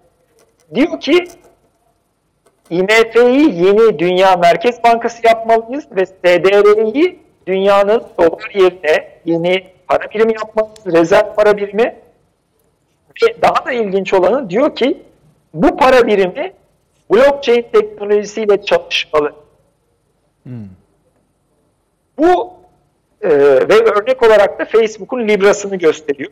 Ve e, hemen bunun arkasından da şunu görüyoruz. 2017 yılı sonlarında o zamanki IMF Başkanı Christine Lagarde Campo yazısında diyor ki eski başkanımız Christine Lagarde da blockchain teknolojisine dayalı bir SDR'nin başarılı olabileceğini, dünyaya çok faydalı olabileceğini dair açıklama yapmıştı diyor. Bu açıklamada Lagarde e, İngiltere Merkez Bankası'nın bir forumunda yapmıştı. Ve daha sonra noktaları birleştirince şimdi çok e, ilginç bir isim ortaya çıkacak. Son noktada şu, Financial Times e, Nisan 2019'da bir haber yayınladı dünyaya. Dedi ki IMF ve Dünya Bankası kardeş tutmuşlar. Kendi içlerinde kapalı devre bir blockchain sistemi kurdular ve orada Learning Coin diye bir proje başlattılar. Yani öğrenme coin'i, öğrenme parası. Yani IMF ve Dünya Bankası e, haber yayınlandığında bu proje çalışıyordu zaten. 2018 yılında büyük bir ihtimalle Lagarde o açıklamayı yaptıktan sonra oturdular. İşte bu blockchain'e dayalı SDR'nin öğrenme coin olarak projeyi başlattılar. 2018 yılında o proje başladı. Yani burada Great Reset'le Dünya Ekonomik Forumu ve IMF başta olmak üzere bu küresel sermaye dediğimiz e, finans kapital, küresel finans kapital diyor ki o bizim için çok güzel bir fırsattır. İşte çevreye dönük yatırım, işte devlet yatırım çevre projelerini yönlendirilsin. Daha adil bir piyasa kurulsun. Yeni kanunlar çıksın ama en önemlisi yeni para düzenine geçmeyi de artık düşünelim. Bu da IMF Merkez Bankası olsun. STR'de dünyanın rezerv para birimi olsun. Çünkü önümüzdeki süreçte Amerikan ile ilgili sıkıntılar olacak. Bu belli demeye getiriyorlar e, olarak. Bir de çok şey daha var. Meşri The Economist dergisi kapağı var. Bir kez bahsettim. 1988 yılında yapılmış ve 30 yıl sonra bir dünya para birimi Get Ready for a World Currency üstünde yazar. Bunu herkes bir olarak yorumladı. Ben de eskiden beri diyordum Bitcoin olamaz. Bitcoin sınırlı bir para. Ee, küresel sistemi sınırlı bir parayla dünyanın çıkmak sistem sınırlı para küresel içine gelen bir şey değildir. Sınırlı para sürekli uzun süreler içerisinde değer kazanır. Küresel sermaye sınırlı yani bir üst limiti olan, üretilmesinin üst limiti olan bir para birimini çalıştırdığı kişilere verirse çalıştırdığı kişiler sürekli güç kazan o para değer kazanacağı için. Sınırsız basılan dolar gibi mesela dolar 1913 ile 20 arasında satın alma değeri %97'sini kaybetmişti. Böyle bir para birimi ister. İşte SDR de onun gibi bir para birimi. İşte 1988'deki o kapakta bahsedilen para birimi işte SDR, blockchain'e dayalı SDR çünkü bu Learn coin'i tam söylendiği gibi 30 yıl sonra yani 2018 2018'de başlatmışlar bu projeyi. Tam bahsettikleri şey e, bu şu anda e, küresel sermaye diyebiliriz. Bu uluslararası sermaye böyle bir para düzeni değiştiği için adeta kolları sıvamış. Bana sorarsanız e, e, bu konuda başarılı olamazlar. Çünkü neden? Erkan Bey ben de biraz evet. galiba aynı şeyi söyleyeceğiz şimdi. Ee, ben de evet. tam şöyle diyecektim size. Şimdi bu yeni dünya WorldCoin diyelim. Ee, bu kuruluşlar eski dünyaya ait kuruluşlar. Eskiyi ölmüş anlamında evet. söylemiyorum. Müesses nizamın parçaları. IMF'tir, Dünya evet. Bankası'dır, şudur budur. Bunlar gelene karşı önlem mi alıyorlar? Biz başını tutalım bu işin diye. Yoksa hani bizim bahsettiğimiz yeni normallerde öne mi geçmek istiyorlar? Bir e, benim kitaplarımdan birinin adıdır bu. Büyük Finansal Tufan. Yani bu CV'de 19'la başlayan 2020 yılındaki bu büyük krizin daha da kötü bir noktaya evrileceğini biliyorlar. IMF'nin son ekonomik tahminlerinde görülmüş e, kriz boyutundan bahsediyor. Dünya için yüzde beşlere var küçülmeden bahsediyor. Hiçbir krizde dünya o kadar küçülmedi yıllarda yaşadığımız. Ve bunun geldiğini gördükleri için aynı söylediğiniz gibi eskimiş bir düzenin parçaları bundan geri kalmış durumdalar ve e, gittikçe zemin kaybediyorlar. İşte İngiltere'de Brexit olması, Amerika'da Trump'ın seçilmesi vesaire. Bunu son bir fırsat gibi yani işte proje gerçekleştirmek için son bir fırsat gibi kullanıyorlar. Ama bana kalırsa başarı şansları yok. E, Amerika'daki seçim de şimdi, Amerika'daki bu CVD 19, 19 üzerindeki tartışmalar da aslında hep yönelik tartışmalar. Yani küresel o eski müesses nizamın kaleleri geri alalım. İşte başından IMF'yi kurarken bunu planlamış zaten. Yani zamanı gelince bu, biz bu IMF'yi Dünya Merkez Bankası yaparız diye planlamışlar. Ve bu planımızı e, bir nihayete ulaştıralım. Fırsat bu fırsat diye düşünüyorlar ama bence pek şansları yok. Bunun yerine e, Çin'in başlattığı bir hareket Trump'ın Çin'in başlattığı ettiği... harekete gitmeyelim Erkan Bey. Onu şöyle yapalım müsaade ederseniz. Zaman zaman sesinizde kopukluklar oluyor. Biz sizin buraya kadar konuştuklarınız üzerinden biraz hasbihal ederken arkadaşlarımız onu bir tazelesinler arzu ederseniz. Böylece izleyicilerimiz de daha çok duyacaktır söylediklerinizi. Biz o faktörü tamamlayıp sizin Çin'inize hemen dönelim. Bu akşam Çin konuşacağız çünkü. Evet Süleyman Hocam. Evet. Şimdi şöyle bir şey var. Bu bugünlerde çok e, moda tartışılıyor. Tabii e, durduk yerde tartışılmıyor. Uyarıcı bazı aktüel gelişmeler de var. Z kuşağı meselesi var. Bu Z tabii ben oraya girmeyeceğim merak etmeyin. Yani o yok hayır, girebilirsiniz. Şu Ee, ben benim de bayağı söyleyeceklerim olur. e, yani bir, biraz dolaylı e, gireceğim ama isterseniz bir gün uzun uzun da Hayır şöyle konuşabiliriz. düşeyim ben. Ee, bu yani bu Vatiye vakası olmasaydı benimki yarın yazın Vatiye'nin perde arkası ile ilgili ee, bu Z kuşağı meselesini yazacaktım ama başlığı A kuşağı olarak Peki. ee, ona bir bölüm ayırırız belki ileriki dönemlerde. Olabilir. Şimdi e, bu mesele tartışılıyor. E, bu kuşak araştırmaları, nesil araştırmaları yapan çevrelerin değerlendirmelerine de biraz bakıyorum. Yani ne diyorlar? Kuvvetli bir tonda dile getirilen şey şu. Ya Z kuşağı diye kestirip attırmayalım. Yani bugünün gençliği var. E, bunun da farklı farklı e, kültürel alt grupları var. Bunlar aynılaştırılamaz. Mesela bilmem modadaki Z kuşağıyla tarla başındaki Z kuşağı aynı değildir gibi. Ee, şimdi e, buradan hareket edeceğim. Bunların bir ortak noktası var. Tabii ki bazı kültürel farklılıklar olabilir. Her nesilde olabilir ama ortak bazı özellikleri var. Bunlar gözden kaçarsa hiçbir analiz yapılamaz zaten. Hiçbir kavrayışta geliştirilemez. Yani bir tür böyle e, olgusal bir perakendiciliğin içinde yol alınır. Ortak özellikleri şu, bunların e, bu yeni neslin bir tipik özelliği var. E, dijital aletlere gömülmüş olmaları, bunu bir tür varlık sebebi haline getirmiş olmaları, buna herhalde kimse itiraz etmez. İkincisi, kendilerini herhangi bir aidiyetle, herhangi bir bağla tanımlamama gibi bir eğilim kazanmış olmaları. Şimdi resetleme dediği zaman Erkan Bey, yani bu ekonomik manada tabii işte büyük resetleme, sıfırlama dediğimiz şey. Yani biz şu soruyu sormak durumundayız. Bu resetleme lafı dilimize yerleşti. Yani bunu kompütür kullanırken kullanıyoruz, sosyolojik analiz yaparken veya e, ekonomik analiz yaparken bu böyle pıtırlanarak, pıtırcıklanarak karşımıza çıkıyor. Aslında bu büyük bir dava düşündüğüm zaman ben. Şimdi 1789'a kadar da bizi geri götürebilir. 1789'da Fransız devrimcileri ne yapmak istiyorlardı? Resetleme yapmak istiyorlardı. Çünkü ansiyen rejim yani gerideki tarih onlara kokuşmuş geliyordu. Onu sıfırlayıp yok edip tarihin çöp tenekesine gönderip sıfır bir tarih başlatmak.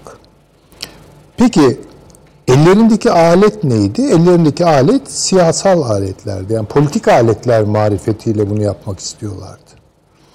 Ve amnezi diye bir kavram çok kullanılıyordu Fransız devriminde. Mesela Ernest Renan'a soruyorlar yani siyasal toplumu bize tanımla. Adam diyor ki yani ulus olarak o nasyon olarak kullanıyor bunu. E, amnezidir diyordu. Yani amnezi onu oluşturmak için asgari. Şimdi sadece siyasi aletlerle bu işe girişirseniz bunun altından kalkamazsınız. Çünkü aynı aletler bir süre sonra karşınıza tarihi de yedeğini alacak şekilde çıkabilir. İşte Almanlardan müthiş böyle tarihçi itirazlar geldi. Geçmişi ihtirasla hatırlama gibi başka bir şey çıktı. Demek ki bu iş siyaseten hallolmuyor. Ekonomik olarak böyle bir şey hallolabilir mi? Aslında bu işte Adam Smith'lere falan baktığım zaman ya bu klasik iktisat okullarına falan bunlar da aslında doğrudan olmasa gibi, olmasa bile yani siyasi bir e, ihtirasla dile getirmeseler bile ekonominin siyaseti aşabilecek bir yeni özgürlük iklimi doğurma potansiyeli üzerinde duruyorlar. Yani ekonomi bizi resetleyecek. Fakat bu konuda tartışma vardı. Yani mesela Ricardo bu konuda çok umutluydu. Marx çok umutluydu ama Adam Smith kötümserdi. Yani maalesef öyle olmayacak. Ekonomiye siyaset amir hale. Yani bu resetleme olmayacak demeye getiriyorlar. İlginç olan bunlar işte İskoç aydınlanması, Fransız aydınlanması meseleleri.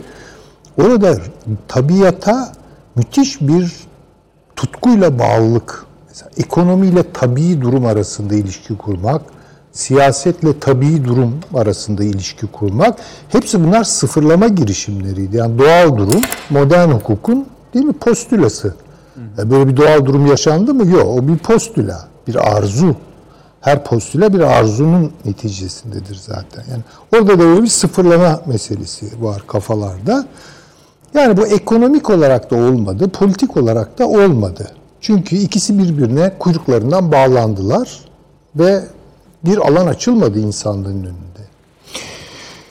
Şimdi bence dikkat edelim. Gene müthiş bir tabiat hassasiyeti.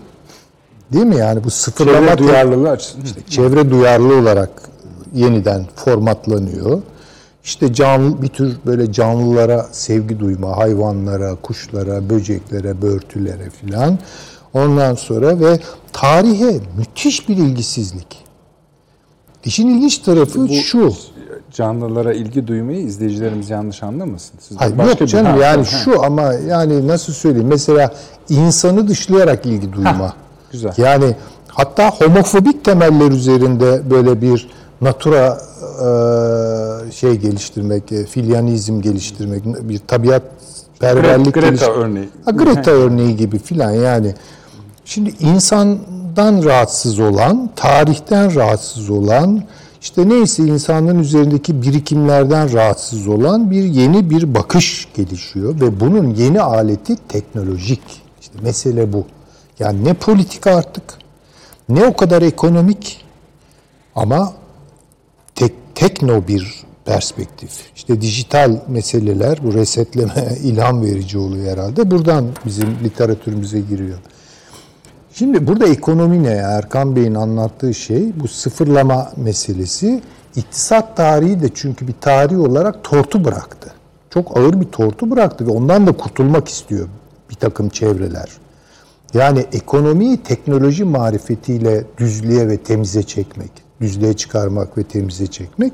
İşte bu blockchain imdada yetişen bir şey. Hem imkan sunuyor hem de eski tarihi kaç, kaçmak kaç, kaçılmak istenen tarihi daha ağırlaştırabilecek başka bir kapasiteyi daha sunuyor.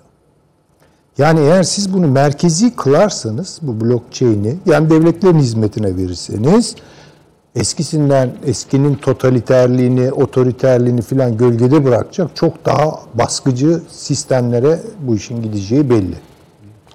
Hele devletin kontrolünde bir ekonomi nasıl kontrol edecek devlet? Bizzat kendisi ekonomi doğurmaz ki devletlerin ekonomiyi kontrol eder. Vergiye bağlar, salgıya bağlar filan.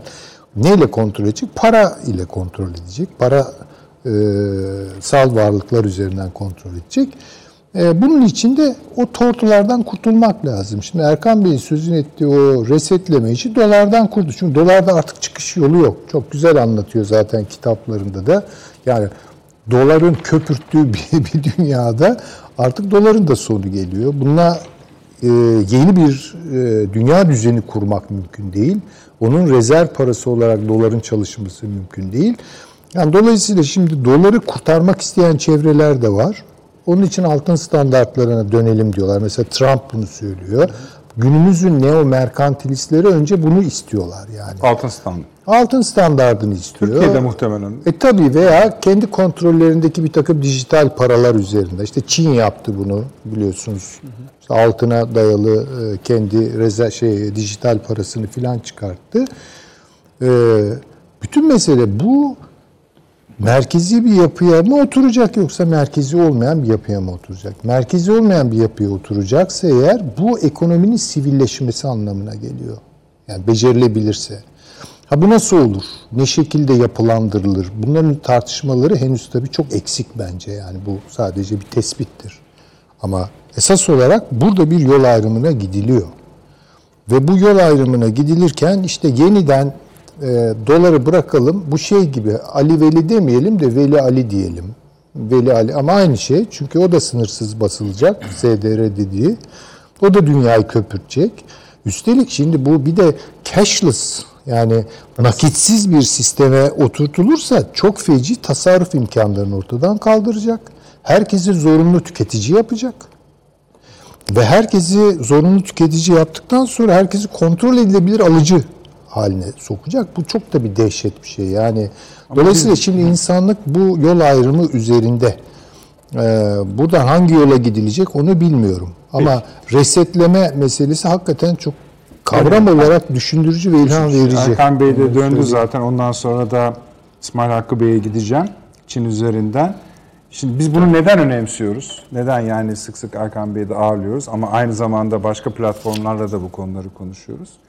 Dolarizasyon meselesi bugün itibariyle ayakta kalmaya kalması neredeyse bu tek sütuna bağlanmış olan ve dünyadaki bütün problemlerin anası kabul edilebilecek bir eski düzenin işte dediğim gibi son payandası. Ve bu şu anda sarsılıyor. Yeni normal, işte bir salgınla hızlanan süreç, etkinliği vesaire gibi konuşmaların yapılmasının sebebi bu. Tabii bir zamanlama da görmeye çalışıyoruz. Bunun aktörlerinden biri de Çin. Hakan Bey de son olarak işte Çin deyip sözünü kesmiş idik. Çin'den devam edebilirsiniz ama madem şimdi benim ağzımdan çıktı, bu işin zamanlaması konusunda da bir şey söyleyebiliyor muyuz Erkan Bey? Tabii Yani zamanlaması Biz bunları söylüyoruz söylüyoruz da ne zaman olacak bu işler? sürecin 2020'de başlayacağını önceden e, konuşmuştuk geçen programda. Evet. Başta evet. Şimdi e, burada İlhan Bey'in söylediği bir konu var. İşte, e, bugünkü e, ulus devlet diyebileceğimiz bazı yapılar altına dayanarak e, farklı bir model ortaya koyuyor. İşte e, Çin'de Süleyman Bey'in söylediği gibi 2018 Mart ayında Yuan diye bir sistem başladı. Artık Çin devleti petrol alırken ödemeleri yapacak. Ama an alan kişiye e, altınla yuvanı karşılama garantisi Şangay noktasında. Bu yepyeni bir sistem. Doların hakim olduğu sisteme tamamen alternatif bir sistem. E, ve tabii Çin şu an Merkez Bankası e, kripto parası yani blockchain parası konusunda en ileride olan ülke ve bu parayı da Yuan'a dayandırıyor ve do- dolayısıyla bu yeni çıkardığı e, blockchain kripto parayı da altına dayandırmış oluyor. Aynı minvalde Amerika'da e, çok önemli açıklamalar var Trump tarafında. Trump da doları ancak altına bağlayarak kurtarabileceklerini düşünüyor. Süleyman Bey'in çok iyi ifade ettiği gibi. Şu anda e, Sharp isimli e, bir ekonomisti FED'e başkan yapmaya çalışıyor. Judy Sharp da altın standartının savunmasıyla meşhur bir e, insan, bir ekonomist ve Judy Sharp'ın son dönemde yaptığı açıklamalarda da aynı şey var. Dolayısıyla e, bir kripto para haline getirmeliyiz ve zaten kendisi altın standartını savunuyor. Demek ki kripto para olan altına dayalı yeni bir dolar gelme. Yani bu aslında şu demek. Bugünkü bildiğimiz doları, sınırsız doları terk edip dünyanın e, rezerv parasının bir çeşit dijital altın olduğu yeni bir sisteme gitmeliyiz. Ve Türkiye'de hiç konuşulmuyor. Bizim e, gündemimize ben hayret ediyorum e, e, televizyonlarda işte haber organları sizleri tenzih ederek söylüyorum birçok başka yerde. E, öyle gündemler bu. Türkiye e, belki de dünyada Çin'den sonra ikinci veya üçüncü, belki İran bizi bu konuda geçmiş olabilir. Blockchain'e dayalı dijital altın para çıkardı şu an.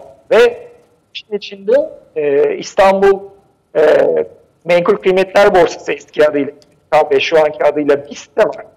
E, Takas Bank'ta, size ait Takas Bank'ta blockchain'e koyulacak her e, bir gram altın İMKB İstanbul Borsası güvenli saklanacak ve buna karşılık her grama karşılık bir riskle dijital bir altın çıkartılacak. E, bunun İMKB tarafı, tarafı bitti. Anlaşılan bankalar var 6 tane kamu ve özel onlar şu anda muhtemelen bu sene içerisinde tutmuş olacak. Yani ilk başta İran da benzer proje yaptı. Türkiye şu anda yaptı. Amerika konuşuyor. Hatta Sayın Cumhurbaşkanı'nın e, e, Malezya'da katıldığı bir e, toplantı vardı geçtiğimiz aylarda. Orada İran, Malezya ve Türkiye işte altına da blockchain'e dayalı ortak bir para birimi hatta İsrail ortak para birimi konusunu konuştular. Bunlar çok önemli gelişmeler ve alttan alta gelişmelerle birlikte bir yandan ilerliyor. Ve bu ve onun getireceği ekonomi çok önemli. Ee, Süleyman Bey orada çok, çok parmak bastı. Bu ya merkezi yapılarda evrilip yani George Orwell'in 1984'ünü mumla aratacak bir şeye dönüşecek ya ekonomiyi ve hayat bütün alanların daha da sivil, daha demokratik bir hal. İki yönetebilecek bir silah bu. Bu anda ümit verici aslında e, gelişmeler var. E, hatta bunların içerisinde çok iştir, çok kilit noktalarda bizde da var. Uzmanlar, profesör, Amerika'da ya bizim İngür Siner hocamız var. Cornell Üniversitesi profesör bunlarda. O şu anda blockchain fark, yeni bir blockchain diyebileceğimiz bir geliştiriyor mesela. Ve e, Ether gibi mesela onun altında Decentralized Finance diye bir şey geliştiriyor. Yani merkeziyetsiz finans. Bu bankaları merkezi çıkartıp kredi mekanizmalarını e, sivilleştiriyor adeta. Ve burada çok önemli şu anda mesela 2 milyar dolar kadar e, 2 senede değer birikti. Orada yeni yeni firmalar oluşmaya başladı. Ve buralarda da işte bu Türk anlar, Türk Erkan Bey, Erkan Bey. Efendim. Şöyle yapalım mı? Arzu eder misiniz? Ee, ben sizin söylediklerinizi çok önemsiyorum. Bunların muhakkak kamuoyuyla paylaşılması gerekiyor ama internet bağlantısında bir sorun var ve e, sık sık e, cümleleriniz anlaşılmakta zorluk çekiyor. Seyircilerimiz de hoş görürse telefona dönelim mi? Olur ee, tabii elbette. Biz yine biraz e, hasbihal edelim. E, bu arada arkadaşlarımız da size telefon bağlantısı kursunlar. Çünkü söylenenler az bu şeyler değil değil mi Süleyman Hocam? Çok, çok Bunlar çok önemli. Geleceğin dünyasına ilişkin perspektifler açıyoruz. İzleyicilerimiz de zaten söylüyorlar. Hani daha sağlıklı bir bağlantı her zaman daha iyidir. Kelimeler kıymetli, bilgiler kıymetli. Ee, Paşam buraya kadar bir şeyler söylemek ister misiniz? Ben, e, şöyle iki tane yeni kavram var esasında. Yani bunlardan e, biri elbette blockchain e, parasal diyecek ama Covid ile ilgili çıkanlarda e, ekonomide iki türlü kavram ön plana çıkacak. Yani bunlar gerçekleşmeden e, para birimlerinin değişkenliğini e, veya geçerliğini e, sorgulamak e, biraz erken gibi geliyor bana.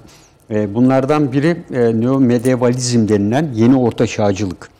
E, bu e, orta çağcılıktan çok farklı bir kavram. Yani medyevalizm orta çağ e, sürecine dönmek neosu ise e, her türlü sorunla ilgilenmeyi bırakın bu devirde diyor. Kaotik ortamlarda kalın ve kaotik ortamlardan çıkış yolu kendi kendine bulunacaktır diyor. Ve her sorunun kendine özgü bir çözüm yolu olacaktır.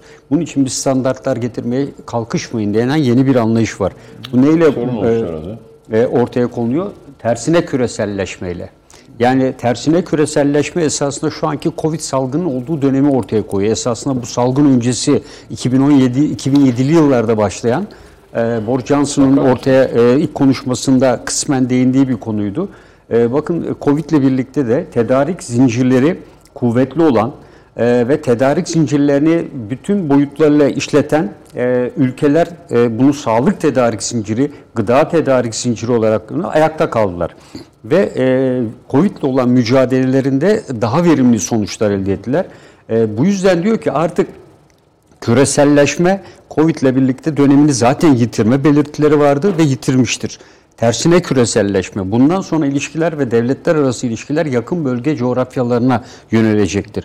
Dolayısıyla bölgesel işbirlikleri arasındaki gelişmeler dünya ekonomisini de şekillendirecektir. Esasında Çin'in attığı adımlar, Türkiye'nin attığı adımlar bu doğrultuyu, bu konuyu da doğrular e, niteliktedir.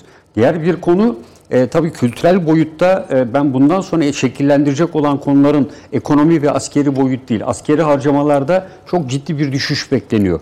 Yani e, bu yıl 2019 yılı SIPRI verileri e, 1.9 trilyon dolardı dünya genelinde. Yani bu yeni verilerle 1.300 civarı gibi dünya tarihinin 2. Dünya Savaşı'ndan beri gördüğü en önemli bir harcama düşüklüğü bekleniyor. Bu düşüklük milyonlarca insanın işsiz kalması, ailelerle birlikte e, askeri satış ve tedarik zincirlerinin işlememesi, fabrikaların kapanması anlamı taşıyacaktır. Yani bugün e, Amerika Birleşik Devletleri'nde kaya tuzundan geçen programda da ifade ettik. Kaya tuzundan e, ürün elde eden birçok fabrika ki bunun sayısı bine yakın olduğu söyleniyor, iflas etmiş durumda. Evet. Ve dolayısıyla e, bu tuzu, kaya tuzundan elde edilen geliri kendisi kullanmıyordu. Başka ülkelere gidiyordu. Ama diğer ülkeler e, artık kendi yakın coğrafyaları üzerinde dönmeye başladılar. E, dolayısıyla bölgesel işbirliklerinin daha fazla ortaya çıkacağı, dünya genelinde geçerli olan bir para biriminden ziyade bölgesel anlamda ifade eden, belki Lidyalılar dönemine geri döneceğiz. Yani Lidya para birimi nasıl Anadolu coğrafyasında geçerliyse o tarihte ona özgü bir para birimi olacak. Çünkü insanlar e, bakın Sibirya'da e, buzlar eriyor diyoruz. Çok önemli. E, ne dedik? Yani e, buzlar eridikçe Yani yeni eksi virüs... 38'den ortalaması eksi 38'den e, artı 38'e. Tabii yeni virüsler çıkacak Neredeyse ortaya. seks, tabii. Yeni salgınlar Çok çıkacak. E, dolayısıyla burada hep diyoruz ya milli güç unsurları arasında sağlık kapasite gücü, tedarik zincirini sürekli hale getirmek. Bunların her biri için bir paraya gerek yok. Bunu her ülke kendi kapasitesiyle ve kendi geçerli para birimiyle ortaya koyabilir. Bunlarda güçlü olan ülkeler geleceği şekillendirecek ülkelerdir. O yüzden tersine küreselleşme, küreselleşme doydu artık. Ve bu küreselleşmeyi biraz evvel hocam da söyledi. Z kuşağının anlayışıyla sürdürmek mümkün değil. Z kuşağı çok. Evet. Ya onun yenileri geliyor. Alfa kuşağı geliyor arkadan. Onlar daha da e, çok. Yani e, ben işte torunumdan biliyorum bütün gün elinde telefon. Yani veya şeyle e, alıyoruz gene bir şeyler buluyor. Teknolojiyle ilinti, e, ilintilerinin erkenliği ya da zayıflığından öte daha başka İşte sorunları tabii var. işte. o kuşağın. Tabii. Yani işte Süleyman Bey demin saydı. Tabii işte onun o Onlar kadar çok özellikleri işler. var ki yani, yani yani ben ülkemi öyle bir yere bırakmak istemem. Tabii. Söyleyeyim yani Evet. o tehlikeli bir şey. O İşte tehlikeli. bunlara bu neo medyevalizm denilen orta çağa dönüşle birlikte Z kuşağı ve alfa kuşağının Tamam. o kendine özgü özellikleri devreye girdiğinde o zaman ortaya diyor ki daha kaotik bir ortam çıkacaktır. Peki paşam. Yani Devam o yüzden yani Tamam, teşekkür ediyorum. Ee, İsmail Hakkı Paşam sizi bekletiyoruz ama hakkınca döneceğiz merak etmeyin. Şu Erkan Bey'in sözlerini tamamlayalım. Tamam. Beni duyuyor musunuz Erkan Bey? Tabii efendim. Duyuyor mu Erkan Bey beni arkadaşlar? Ben duyuyorum. Siz beni duyuyor musunuz? Ha, Evet. duyuyorum. Buyurun Erkan Bey. Şimdi e, bir zamanı söylemiştiniz. Yani bütün bunları konuşuyoruz. Bunlar özellikle işin ekonomi ticari boyutu e, neredeyse sona çarkın dönmesi anlamına gelecek. E, üst üste kritik ülkelerdeki dönüşümleri anlattınız. Ve şimdi Çin'le isterseniz bağlayalım konuşmanızı. Buyurun. Şimdi e, Çin'de Nedret Bey yeni bir e, bu alternatif para mevzusuna yeni bir düzen kuruldu. E, Süleyman Hocam da onu söyledi. E, Çin'de petro yuan sistemi getirildi Mart 2018'de. Burada Çin diyor ki ben petrol alırken yuanla artık ödeme yapacağım dolarla değil. Ama siz aldığınız yuanları Şangay Altın Borsası'nda altına çevirebileceksiniz. Bu işte yepyeni alternatif bir model. Ee, ve Çin şu anda blockchain'e dayalı Merkez Bankası paralarında dünya lideri. Dört tane şehirde test çalışmalarına başladı. Ve bu dijital para da, bu kripto para da Yuan'a dayalı. Yani ne olmuş oluyor? Çin yepyeni blockchain teknolojisine dayanan, üstün özellikleri olan dijital bir parayı altına dayalı olarak çıkarmış oluyor. Aynı akım Amerika'da var şu anda. Trump yönetimi e, doları kurtarmak için altın standartına dönmeyi düşünüyor. Trump'ın danışmanı olan Judy Shelton isimli bir ekonomist var. Altın standartının Evet. savunmasıyla meşhur. Ve Judy Shelton son aylarda yaptığı açıklamalarda dedi ki doları bir an önce e, biz de dijitale çevirmeliyiz. Yani Çin'in yaptığı gibi. Kendisi de bir altın standardı savunucusu olduğuna göre aynı Çin'in yaptığı gibi Amerika'da e, ki Trump Judicial'sını Fed Başkanı da yapmak istiyor bu arada. Amerikan basında çıkan bilgilere göre. Amerika'da altına dayalı dijital bir doların peşinde. Aynı şekilde hiç kimse çok fazla medyada bahsetmiyor ama Türkiye'de burada bir proje yürüttü ve bunu çoktan gerçekleştirdi. Hem Merkez Bankamız bir dijital para yapmak üzere bir çalışma yürütüyor. Hem de İstanbul Borsası e, ve onun resmi saklama kuruluşu olan Takas Bank şu anda altına dayalı blockchain üzerinde çalışan bir dijital para yaptılar. Bunun adı BIGA. 1 gram altının kısaltması. Burada her e, gerçek 1 gram altın Takas Bank'ta saklanacak ve onun karşılığında bir e, ne olacak? E, blockchain üzerinde bir dijital altın oluşturulacak. İşte bu bizim Merkez Bankamızın dijital parasıyla birleştiği zaman ki şu anda özel ve devlet bankalarımız da bu projenin tarafı ve bankalar tarafındaki çalışmalar bitince bu sene içerisinde muhtemelen vatandaşlarımız bunu bankalardan alıp satma imkanına da kavuşacak. Ve bu alanda Türkiye İran'la beraber muhtemelen Çin'in ardından ikinciliği paylaşıyor şu anda dünyada. Ya ikinci ya üçüncü. Yani şu anda Amerika'dan Türkiye olarak biz bu konuda dijital e, altına dayalı para birimi, yeni dönemin para birimi konusunda ilerideyiz. Hatta e, Sayın Tayyip Erdoğan e, Malezya'da Cumhurbaşkanı en son bir zirveye katıldı. Orada İran, Malezya ve Türkiye bu konuyu tartıştılar. Yani dijital, blockchain'e dayalı, altına dayalı alternatif İslam ülkeleri arasında bir e, dijital bir para birimi olabilir mi diye. Türkiye muhtemelen sadece İslam ülkeleriyle sınırlı kalmasını düşünmüyor bu işin. Daha da cihan şumul bakıyor. Ee, İran'dan geldi bu İslam ülkeleriyle sınırlı olsun teklifi ama muhtemelen o konularda da görüşmeler devam ediyor. Tabii bu aynı zamanda milli paralar demek. Yani bize işte milli paralarla ticaret konusunda konuşuluyor. Ee, işte yeni dönemin milli paraları muhtemelen altına dayalı dijital para birimleri olacak. Ve bunlar açısından blockchain teknolojisi çok önemli.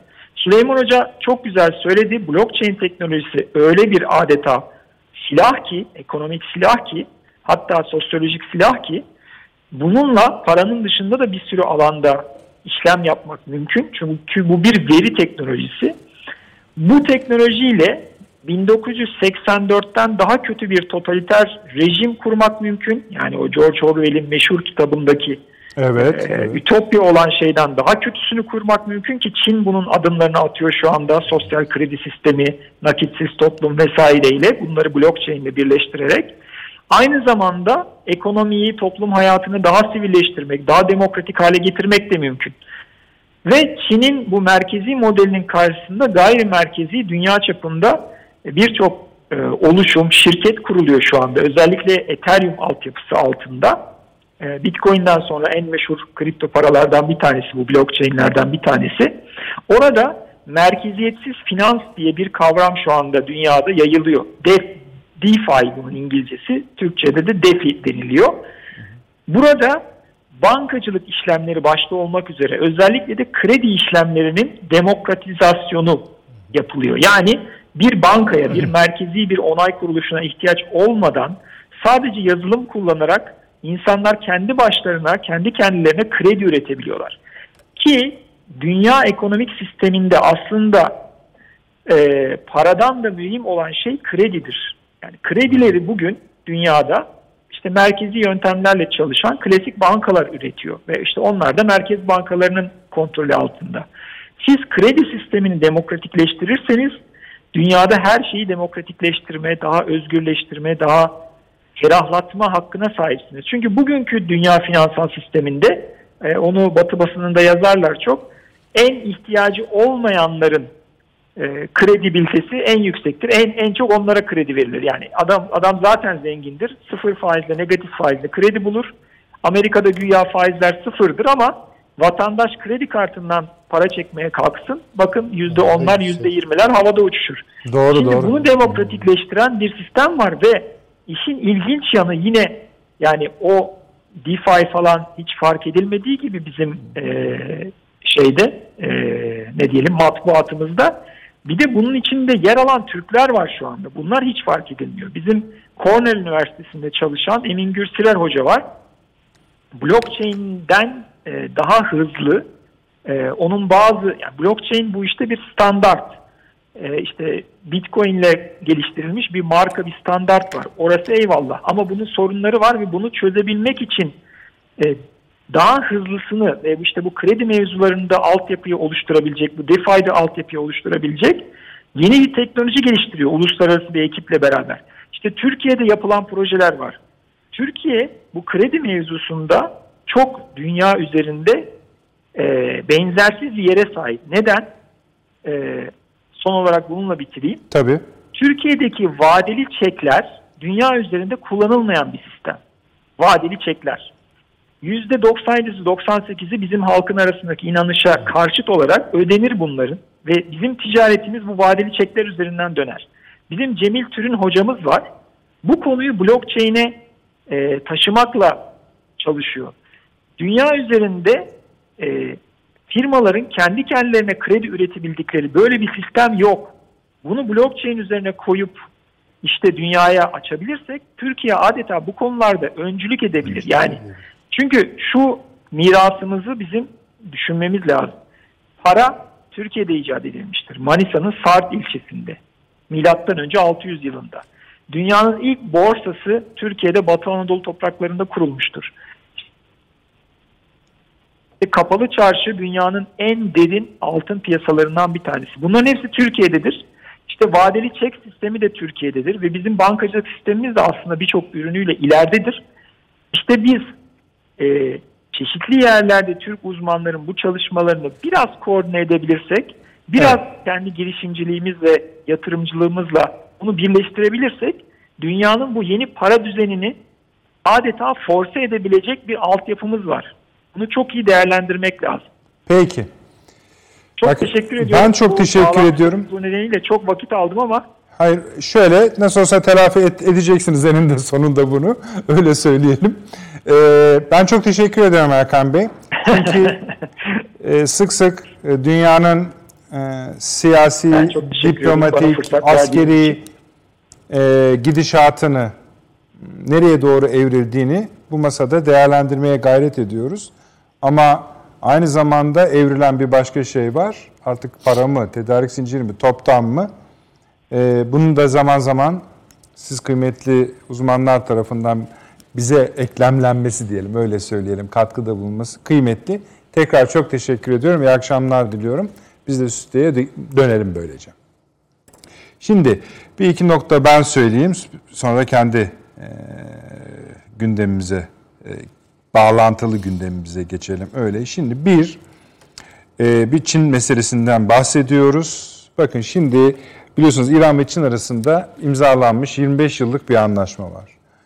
Bu e, Çin'in İran'ın enerji sektörüne 280 milyar dolar yatırım yapacağını imza altına alıyor. 120 milyar dolar İran'ın iletişim, iletiş, ulaşım ve sanayi altyapısının onarılmasına katkı yapacağını söylüyor.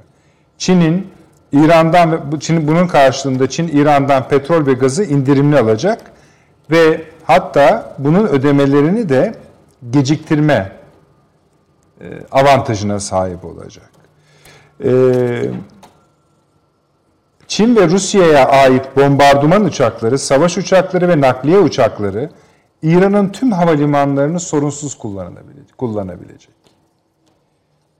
Nihayet Çin donanması biraz bahsetmiştik. İran'ın Çabahar, Bendere, Buşehir, yani Buşehir ve Bender Abbas limanlarını da kullanmaya başlayacak. Bu sadece Çin'in İran özelindeki durumu. Pakistan'da bambaşka bir durum var yine Çin'le ilgili. Afganistan'da bambaşka. Mısır'da biraz sonra siz biraz önce siz Taşan Hoca'dan atıfla söylediniz. E, Kahire bildirisinde kadar tamamlayacak, destekleyecek siyasi atışlar var. Şimdi bunların hepsi geliyor e, yeni dünya düzeninin, yeni normallerin parçalarına dönüşüyor. Şimdi müsaade ederseniz biraz İsmail Hakkı Bey'i konuşturalım. Hazır mı Ankara arkadaşlar? Öyle mi? Birazdan gidelim o zaman. Hay hay olur. Ha bir de, ay, bir de reklam mı çıkardınız? Peki. İzleyicimiz biraz kızacak ama çok azmış efendim süre. Onu vermek zorundayız biliyorsunuz.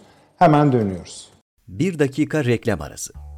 Haberin sosyal medyası gzt.com sizi çok farklı bir okuyucu deneyimine davet ediyor. Merak ettiğiniz sorular yanıt buluyor, henüz duymadığınız şaşırtıcı konularsa karşınıza geliyor. Yorumlarınıza editörler cevap veriyor, arkadaşlarınızla paylaşmak isteyeceğiniz eğlenceli içerikler hazırlanıyor. Sizler için kamera karşısına geçiliyor ve olaylar sıkmadan ve anlaşılır şekilde anlatılıyor. Özel infografikler, videoların yanı sıra burada sayamayacağımız sayıda farklı dergiler. Şimdi telefon ekranınızı daha da anlamlandırmak için sizi davet ediyoruz. GZT uygulamasına iOS ve Android marketlerden kolaylıkla erişebilir, pişman olmazsınız. Mutlaka indirin. Reklam arası sona erdi.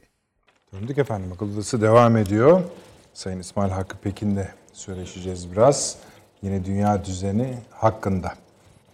Ee, İsmail Bey beni duyabiliyorsunuz. Duyuyorum efendim. Duyuyorum. Ee, işte Çin konuşuluyor, Duyuyorum. Rusya konuşuluyor malum. Bunların bölgeye ve bize etkileri konuşuluyor malum. Ama bir yandan da dönüşen bir dünya var. Çoğu kişi bunu Covid-19 salgın etkisi üzerinden yorumluyor ama işin onunla çok ilgisi yok. O sadece bir katalizördü biliyorsunuz. Ee, etkileyiciydi, hızlandırıcıydı. Şimdi Amerikan başkanlık seçimleri de var. Bölgenin bu halinden de hareketle Sayın Paşam, kısa vadeli gelecekte ne görmektesiniz?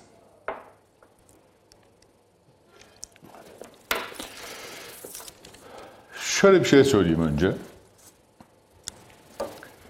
Türkiye'yi hesaba katarak. Şimdi hep şu söyleniyor. Türkiye iki ülke arasında denge, yarın Çin de katılabilir. Denge unsuru, e, denge sağlamaya çalışıyor. İşte zaman zaman Amerika'ya, zaman zaman diğerine yanaşıyor.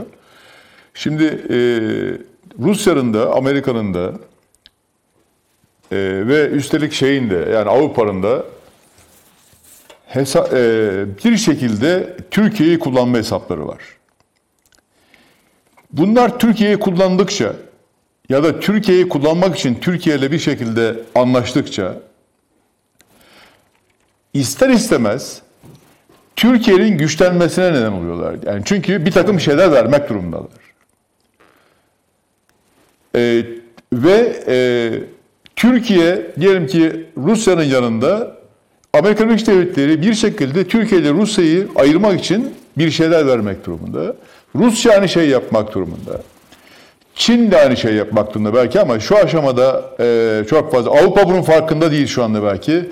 Onlar Almanya hariç, İngiltere hariç onlar da yavaş yavaş. Ve bu olay ister istemez Türkiye'nin elini güçlendiriyor. Yani e, bunu şöyle benzetebiliriz. Yani şimdi geldiniz e, Santaş'ta şahmat yapacaksınız. Her harekette ne yaparsanız yapın karşı tarafa, her harekette sizin karşınıza bir e, şey çıkartıp, vezir veyahut da başka bir şey çıkartıp şahmat deme imkanı. Yani Türkiye böyle bir pozisyonda şu anda. Biz bunu stratejine, stratejide rakibi e, şeyin öküzün boynuzlarına oturtma diye tabir ederiz. Yani öküzün boynuzuna oturtursunuz rakibinizi, rakip oradan kurtulamaz bir daha. Yani Türkiye şimdi bu pozisyonda. Türkiye e, ister istemez e, bu işin nimetlerinden faydalanıyor. Zaman zaman külfetleri de var. Yani külfet olmadan nimet olması mümkün değil. Mutlaka külfetleri de olacak ama e, Türkiye'nin e, içinde bulunduğu şartlar bu yeni dünya düzeniyle birlikte ya da yeni dünya düzenini kurmak isteyen Çin'in, e, Amerika'nın ya, ya da işte e, küreselcilerin, finans sektörünün neyse bütün bunların hesaplarında Türkiye'de var ve Türkiye bunlardan her seferinde büyüyerek çıkacak. Bir defa e, bunu bir tarafa koymamız gerekiyor. Şimdi diğer konuya gelince e, Çin evet e, çok etkili bir şekilde geliyor ve e, çok büyük anlaşmalar yapıyor.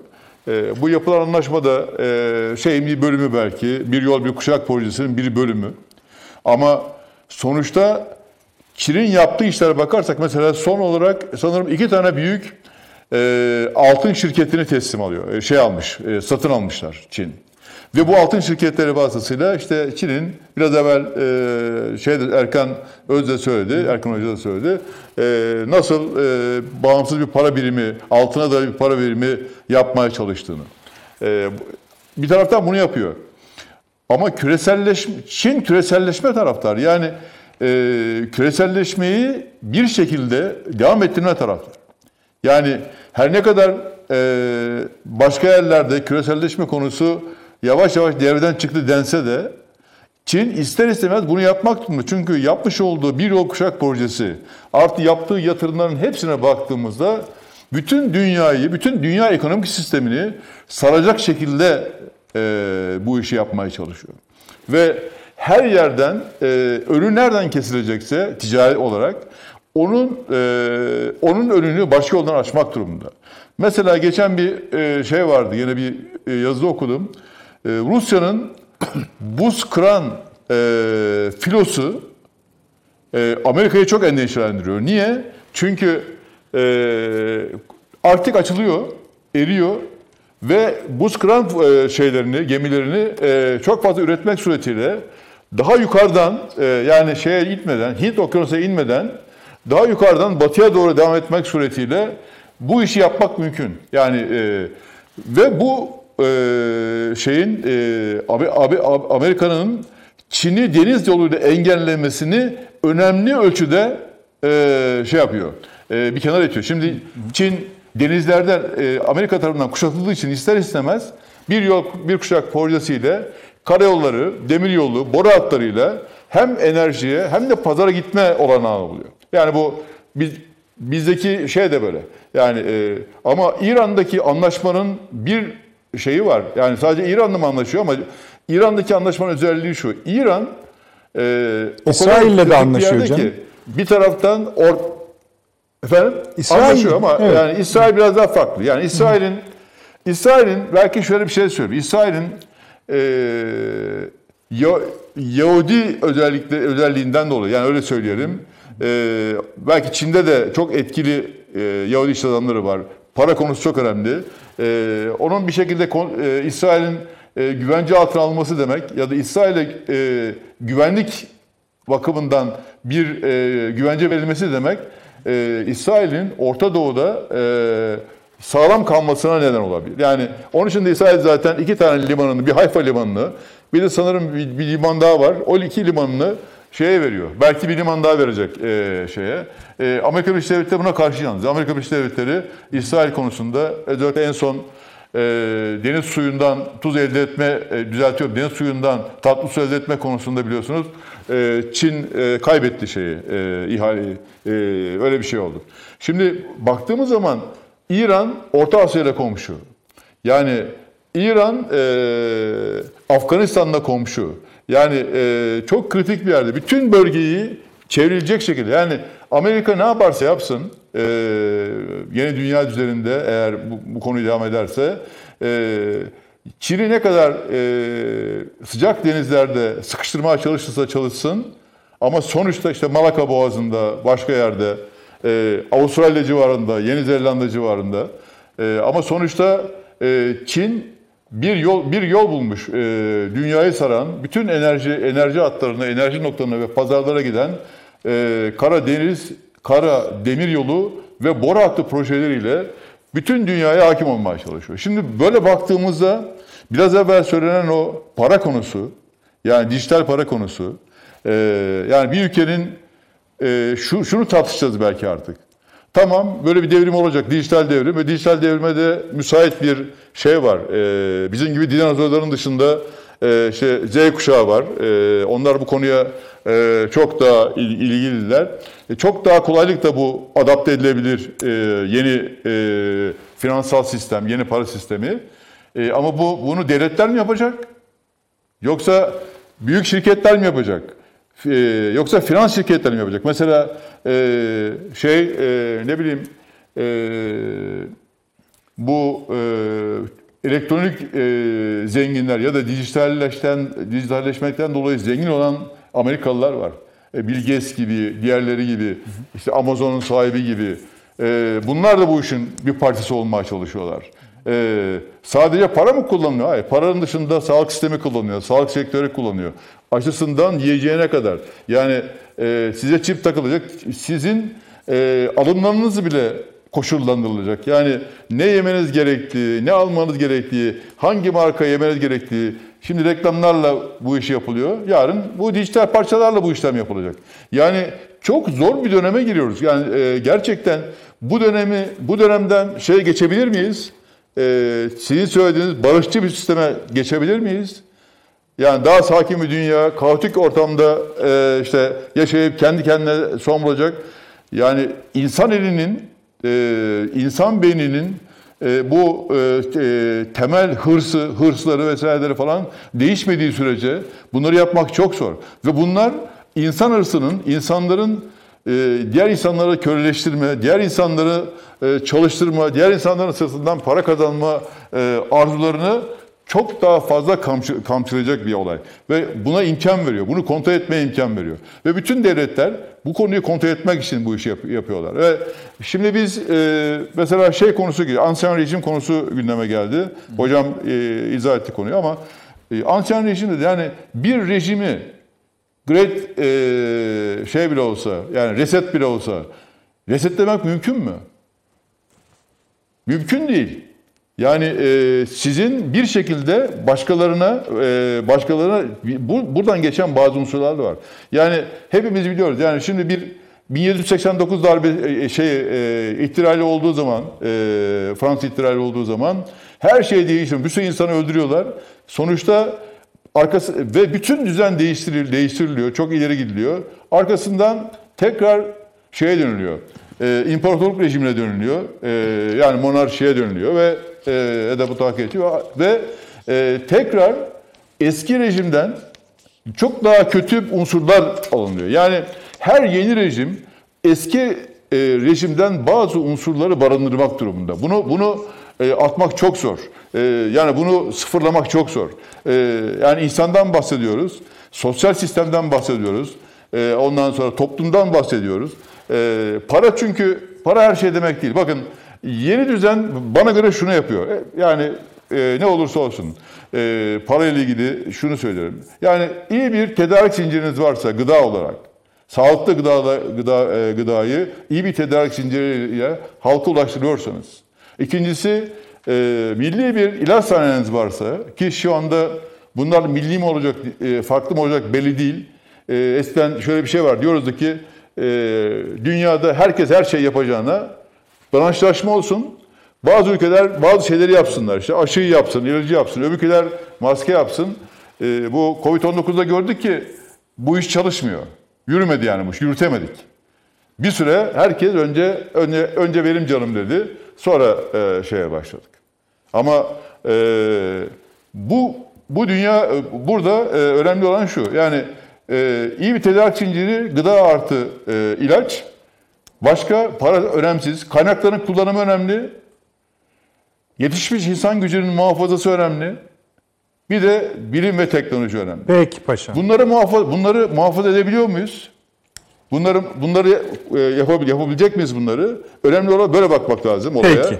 Ama para sistemi, bence yapılan para sistemi ve şu anda büyük ülkelerin yapmış olduğu, Çin dahil yapmış olduğu yatırımlar e, bence e, dünyayı biraz daha fazla dijital sistemde biraz daha fazla köleleşmeye doğru götüren adımlar.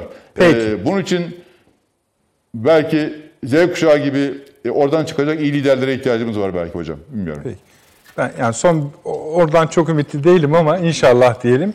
Hepimizin ülkesi çünkü burası. Çok teşekkür ediyorum e, paşam. Evet. Bir, de- bir iki de yeni Sadece Türkiye için değil tabii. Tabii tabii, tabii. için gayet tabii, gayet tabii. Yani dünya huzursuz olduktan sonra bizim ülkemizin huzurlu olması çok zor.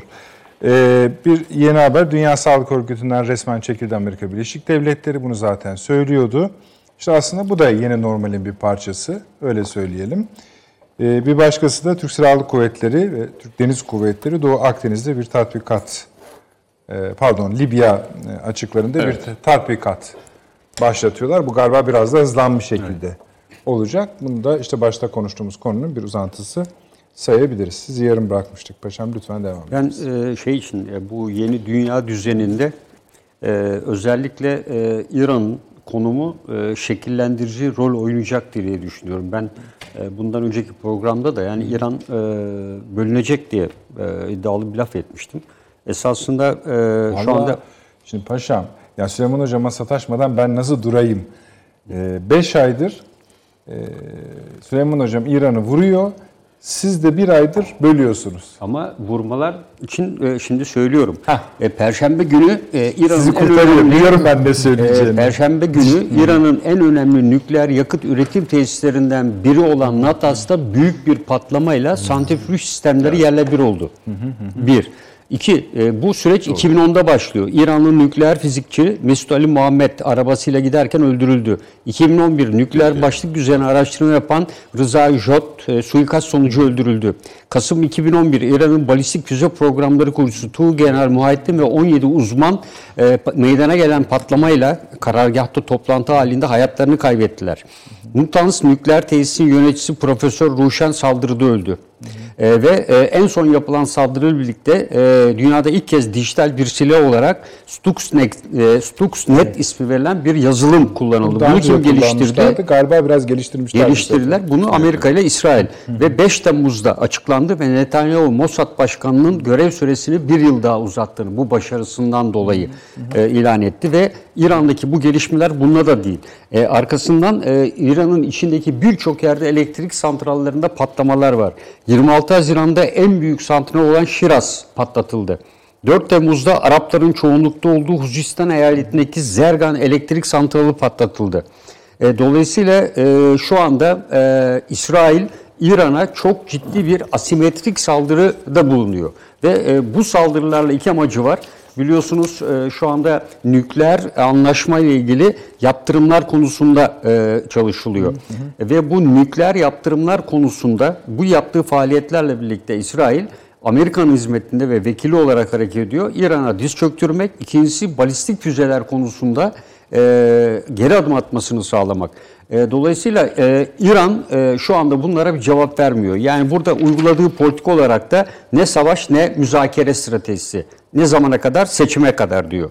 Yani verdiği politikanın isminde bu. Yani ne yapabilir diye tartışıyorlar ve şu anda e, bekliyorlar. Ama İsrail e, nükleer sistemlerine ve enerji tesislerine arka arkaya saldırılarda bulunuyor. Ve bunu artık siber saldırılarla e, geti- e, ilerletiyor. Ve dolayısıyla e, İran'ın e, bir anda Amerika Birleşik Devletleri işine yarıyor. Yani Çin'in işte biraz evvel belirttiğiniz iki e, anlaşmayla 25 yıllık stratejik ortaklık anlaşması ile birlikte buraya 5000 Çin askerinin gelmesi de hedefleniyor. Ama İran aynı zamanda işte Çağdar Limanı'nda Hindistan'la da anlaşma yaptı. Yani orada bir e, Hint Bankası'nın açılması konusunda hatta Çin'le ve Hindistan'la olan anlaşmaları kendi yerel para birimleri üzerinden var. E, ama Hindistan'la olan anlaşma hayata geçmedi. Daha Çin'le de geçmedi. E, ve e, iki gün evvel zaten bu anlaşma yüzünden İran meclisinde meclis başkanı yuvalandı.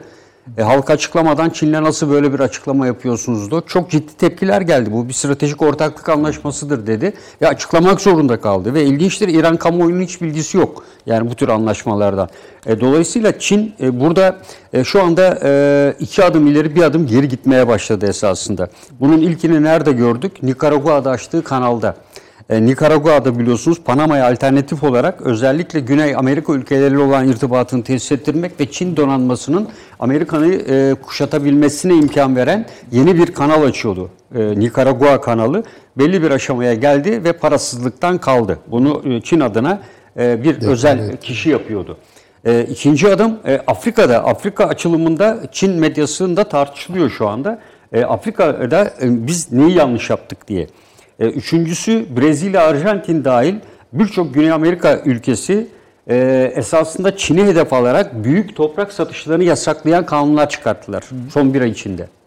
Bu Amerika'nın etkisiyle alınmıştır ve orada Çin geniş tarım alanlarını ve yeraltı su zenginliklerini hatırlarsınız bir gazetede de yazılmıştı. Amerikalılar satın alıyordu. Çinler de onlara rakip oluyordu. Gelecekte dünyada olası bir su yetersizlik öyle dünya e, su fonu ve benzeri çalışmalar da bunu gösteriyor.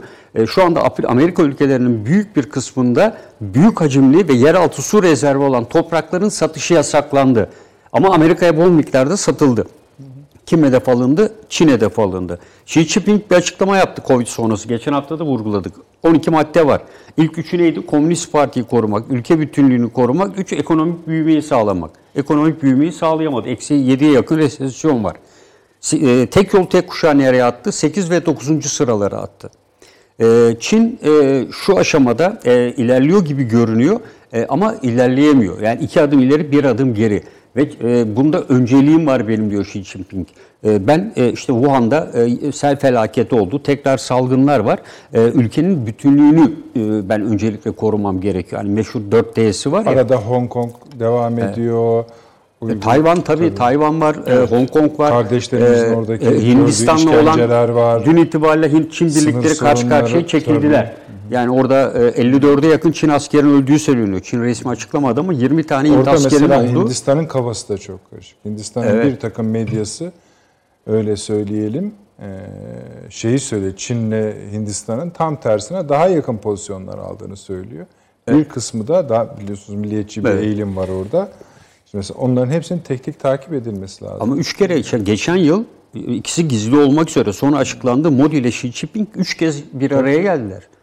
Yani bunu e, dolayısıyla e, Amerika, Hindistan, Amerika ve Çin arasına gidip geliyor. Yani şeyin içinde de Hindistan'ın içinde de yani yönetiminin içinde de anti-Amerikan bir grup var. Tabii. Mesela Genelkurmay Başkanı öyle biri. Hindistan'ın. Onun e, yani gidip de yakından da görme fırsatı olduk. Yani o dediğim gibi değişik bir e, silahlı kuvvetler. E, bunun dışında e, ben son olarak da şunu söyleyeyim. Tabii e, ekonomiyi falan söylüyoruz ama bizim burnumuzun dibinde de e, ilk program başında da size ifade etmiştim.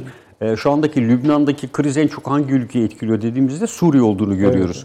Niye? E, Lübnan'da şu an karışıklıklarla e, normal vatandaşların e, bankadan para çekme e, miktarı dolar cinsinden 400 dolarken 100 dolara indirildi. Suriye konuşuyorsunuz. Suriye. Evet. Çünkü bu bölge işte ekonomi diyoruz ya yani Bitcoin'e geç neye geçersek geçelim. E, e, şu anda halkın ve Orta Doğu'nun gerçeği bu. Paşam Kibarcı diyor ki lüks konuşma bunlar diyor ama bir, buyurun. Ge- e, Çünkü adam et alamıyor. E, Şu anda Lübnan'da bugün açıkladı gazete 20-25 günlük et stoğu kalmış. E, Elektrik santralleri çalışamaz hale geldi. Askeri birliklerde et çıkmıyor yemeklerde. Paşam şunu söyleyin. Suriye'nin Lübnan'da ne kadar parası var? E, yaklaşık e, yazdım ben buradan da hata yapmayayım diye 50 milyar dolar. Suriyeli iş adamlarını e, bütün paralarını e, Lübnan'a yatırmışlar. Bu çok, yüzde kaçı? Yani Yaklaşık yüzde 40'a yakını daha da fazlası hatta Merkez Bankası'nın paraları dahil orada olduğu ifade ediliyor. E, bir ama kısmı peki bu e, şey yok mu? Yaptı- doları Lübnan üzerinden nedeni- yaptırımları kendi ülkesinde kullandığı için Lübnan'da yaptırım yok. Dolayısıyla oradan dolar serbestliği olduğu zaman da her türlü ihtiyacını Lübnan bankaları üzerinden sağlıyordu Esad. Amerika bunu biliyordu ama oraya da müdahale etmiyordu bu sefer. E, bu sefer ne oldu? Lübnan'da ciddi sıkıntı çıkınca 100 dolara düştü kişi başına çekme. E, bu da Suriye'nin ihtiyacını karşılamıyor. Şu anda e, Suriye'nin merkezinde gıda enflasyonu %60, yüz- %145 ile %175'e yükselmiş durumda. Bir hafta. Ciddi bir açlık krizi var Şam bölgesinde. Yani onu da e, etkiliyor. Şimdi bir de Sezer yasası devreye tam girdiği anda e, hiç bunun ucu evet. Yani e, bu bölgede çok ciddi bir kriz var. Rusya ne yaptı şimdi? Rusya da bu ortada Hizbullah, Hizbullah da etkiliyor tabii. evet. Evet evet paşam. O da öncü pınarı kapatmakla tehdit ediyor. Birleşmiş Milletler yardımlarının geldiği cilve gözünden ağırlıklı geliyor. E, orayı da kapatmakla tehdit ediyor. Yani o da esasında bütün bunlara yol açanın da e, İran olduğunu e, söylüyorlar. Dolayısıyla bu bölgeyi ve dünyayı şekillendirecek olan yer şu aşamada e, İran gibi görülüyor. Peki. Şimdi Süleyman Hocam, akıl odası bazen benim de kafamı döndürüyor. Çünkü çok Ama fazla vurmuş, konu konuşuyoruz. vurmuş İran'ı değil mi? Yani Efendim? bayağı bir vurmuş Vurduk. İran'ı Evet, yani. yani. Oradan beraat kadar- ettik yani. Yani evet. 5 suikast, 3 elektrik santralı daha ne olsun? Daha Yani vurmak nasıl olacak yani? Şimdi tabii hani yakınınızdan geldiği için o destek görmeyeceğiz onu. Onu devam edeceğiz yani takip etmeye. Peki. Ama şimdi mesela bu, bu akşam konulardan bir mesela Türkiye-AB ilişkileriydi. Yani Türkiye-AB ilişkileri dediğiniz zaman ben bile sıkılırım. Yani hakikaten sıkılıyorum. Ama bu sefer hani e, Sayın e, Dışişleri Bakanı ile e, Borrell arasında yani Avrupa Birliği'nin Dışişleri Bakanı Evet. diyelim. E, görüşme yine keskin görüşmeler oldu. Türkiye'nin Yunanistan ve Rum kesimi için itirazları var. Fransa için itirazları var. Daha da ileri giderek dedi ki eğer dedi bu sağdaki soldaki gelişmeler üzerinden Akdeniz'i Libya'yı da söylüyor. Avrupa Birliği başka bir şey daha karar alırsa Türkiye aleyhine biraz dedi külahları değişeceğiz gibi gözüküyor.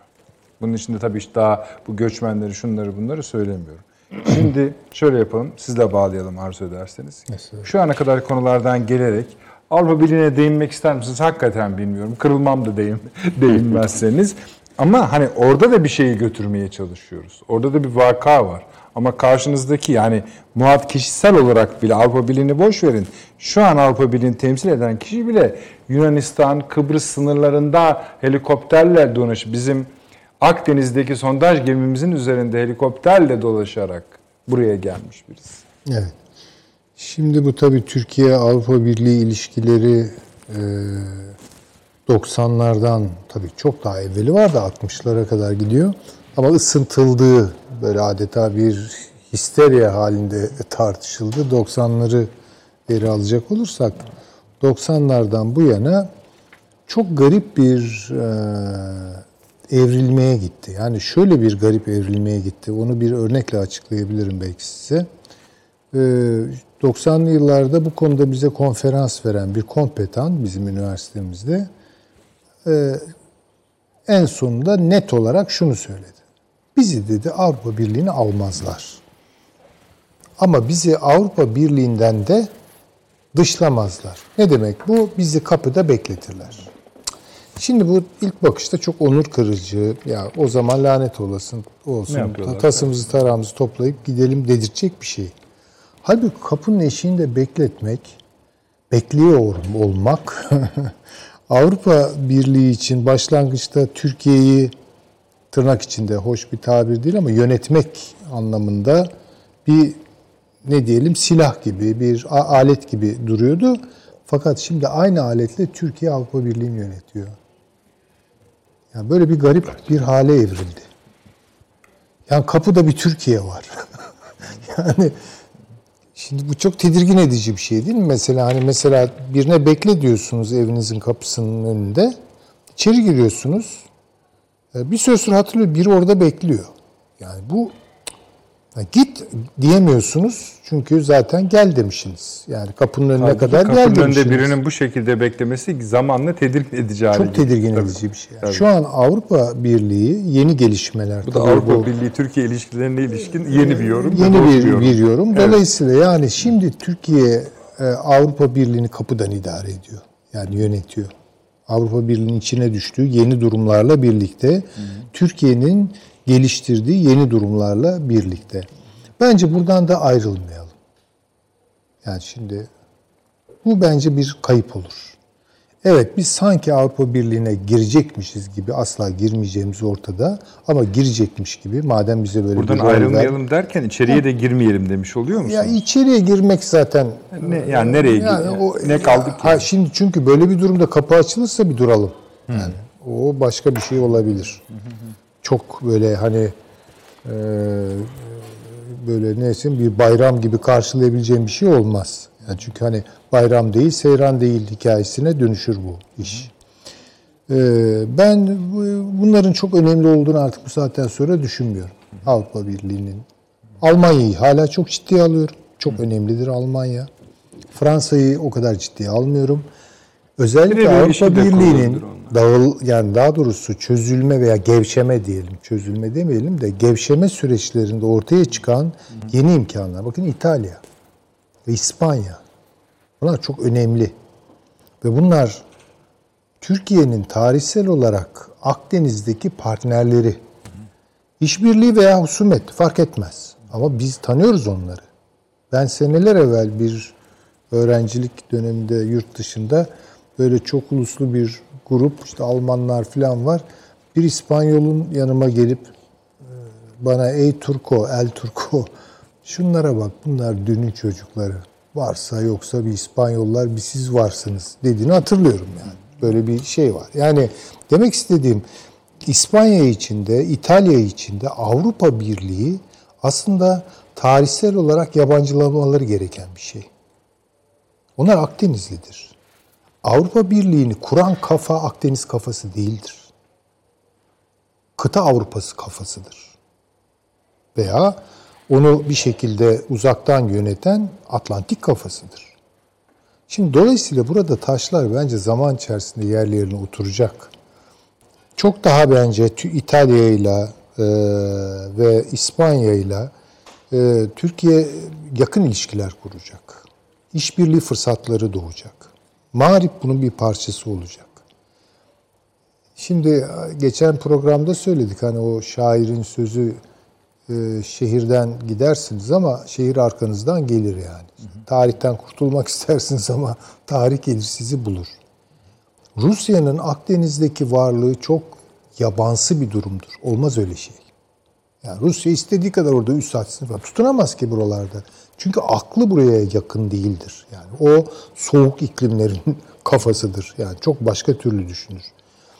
Ee, ama İran, Hindistan, Afganistan, Pakistan, Çin işte bu eski ne diyelim ona güçler. Yani şimdi bütün bu süreçler bütün bunları ortaya çıkaracak. Bunları ortaya çıkaran yabansı olan neyse buradan gidecek yani. Buralarda tutunamazlar onlar. Bunu da söyleyeyim. Amerika Birleşik Devletleri burada tutunamayacak. Rusya burada tutunamayacak. Buranın eski sakinleri yeter ki akıllarını biraz başlarına alsınlar. Onlar buranın mukadderatı e, üzerine çok yeni ilişkiler ama eskiden ilham alan ilişkiler kurabilir. Bütün yatırımları da buraya yapmak lazım. Onun için Avrupa ne diyor o kadar önemli değil artık bu saatten sonra.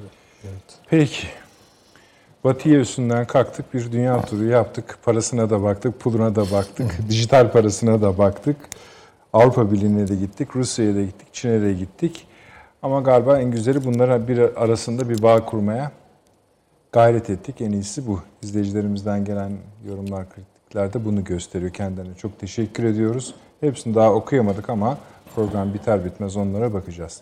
Süleyman Seyfi Hocam çok te- çok çok teşekkür ederim. ediyorum. Faruk Paşam çok çok teşekkür ediyorum. Eksik olmayınız. İsmail Hakkı Bey, Ankara'da siz yalnız kalıyorsunuz biliyorum. Ama çok çok teşekkür Ben- ediyorum katkılarınız efendim. için. Eksik olmayınız. Her zaman bekliyoruz efendim. Efendim. Perşembe akşamı saat 21'de yine huzurlarınızda olacağız. Bakalım o zamana kadar Türkiye'de, bölgede, dünyada neler olacak? Neler olursa olsun akıl odasının kendi gözüyle ona e, bakmaya gayret edeceğiz sizlerle birlikte. İyi geceler diliyoruz efendim.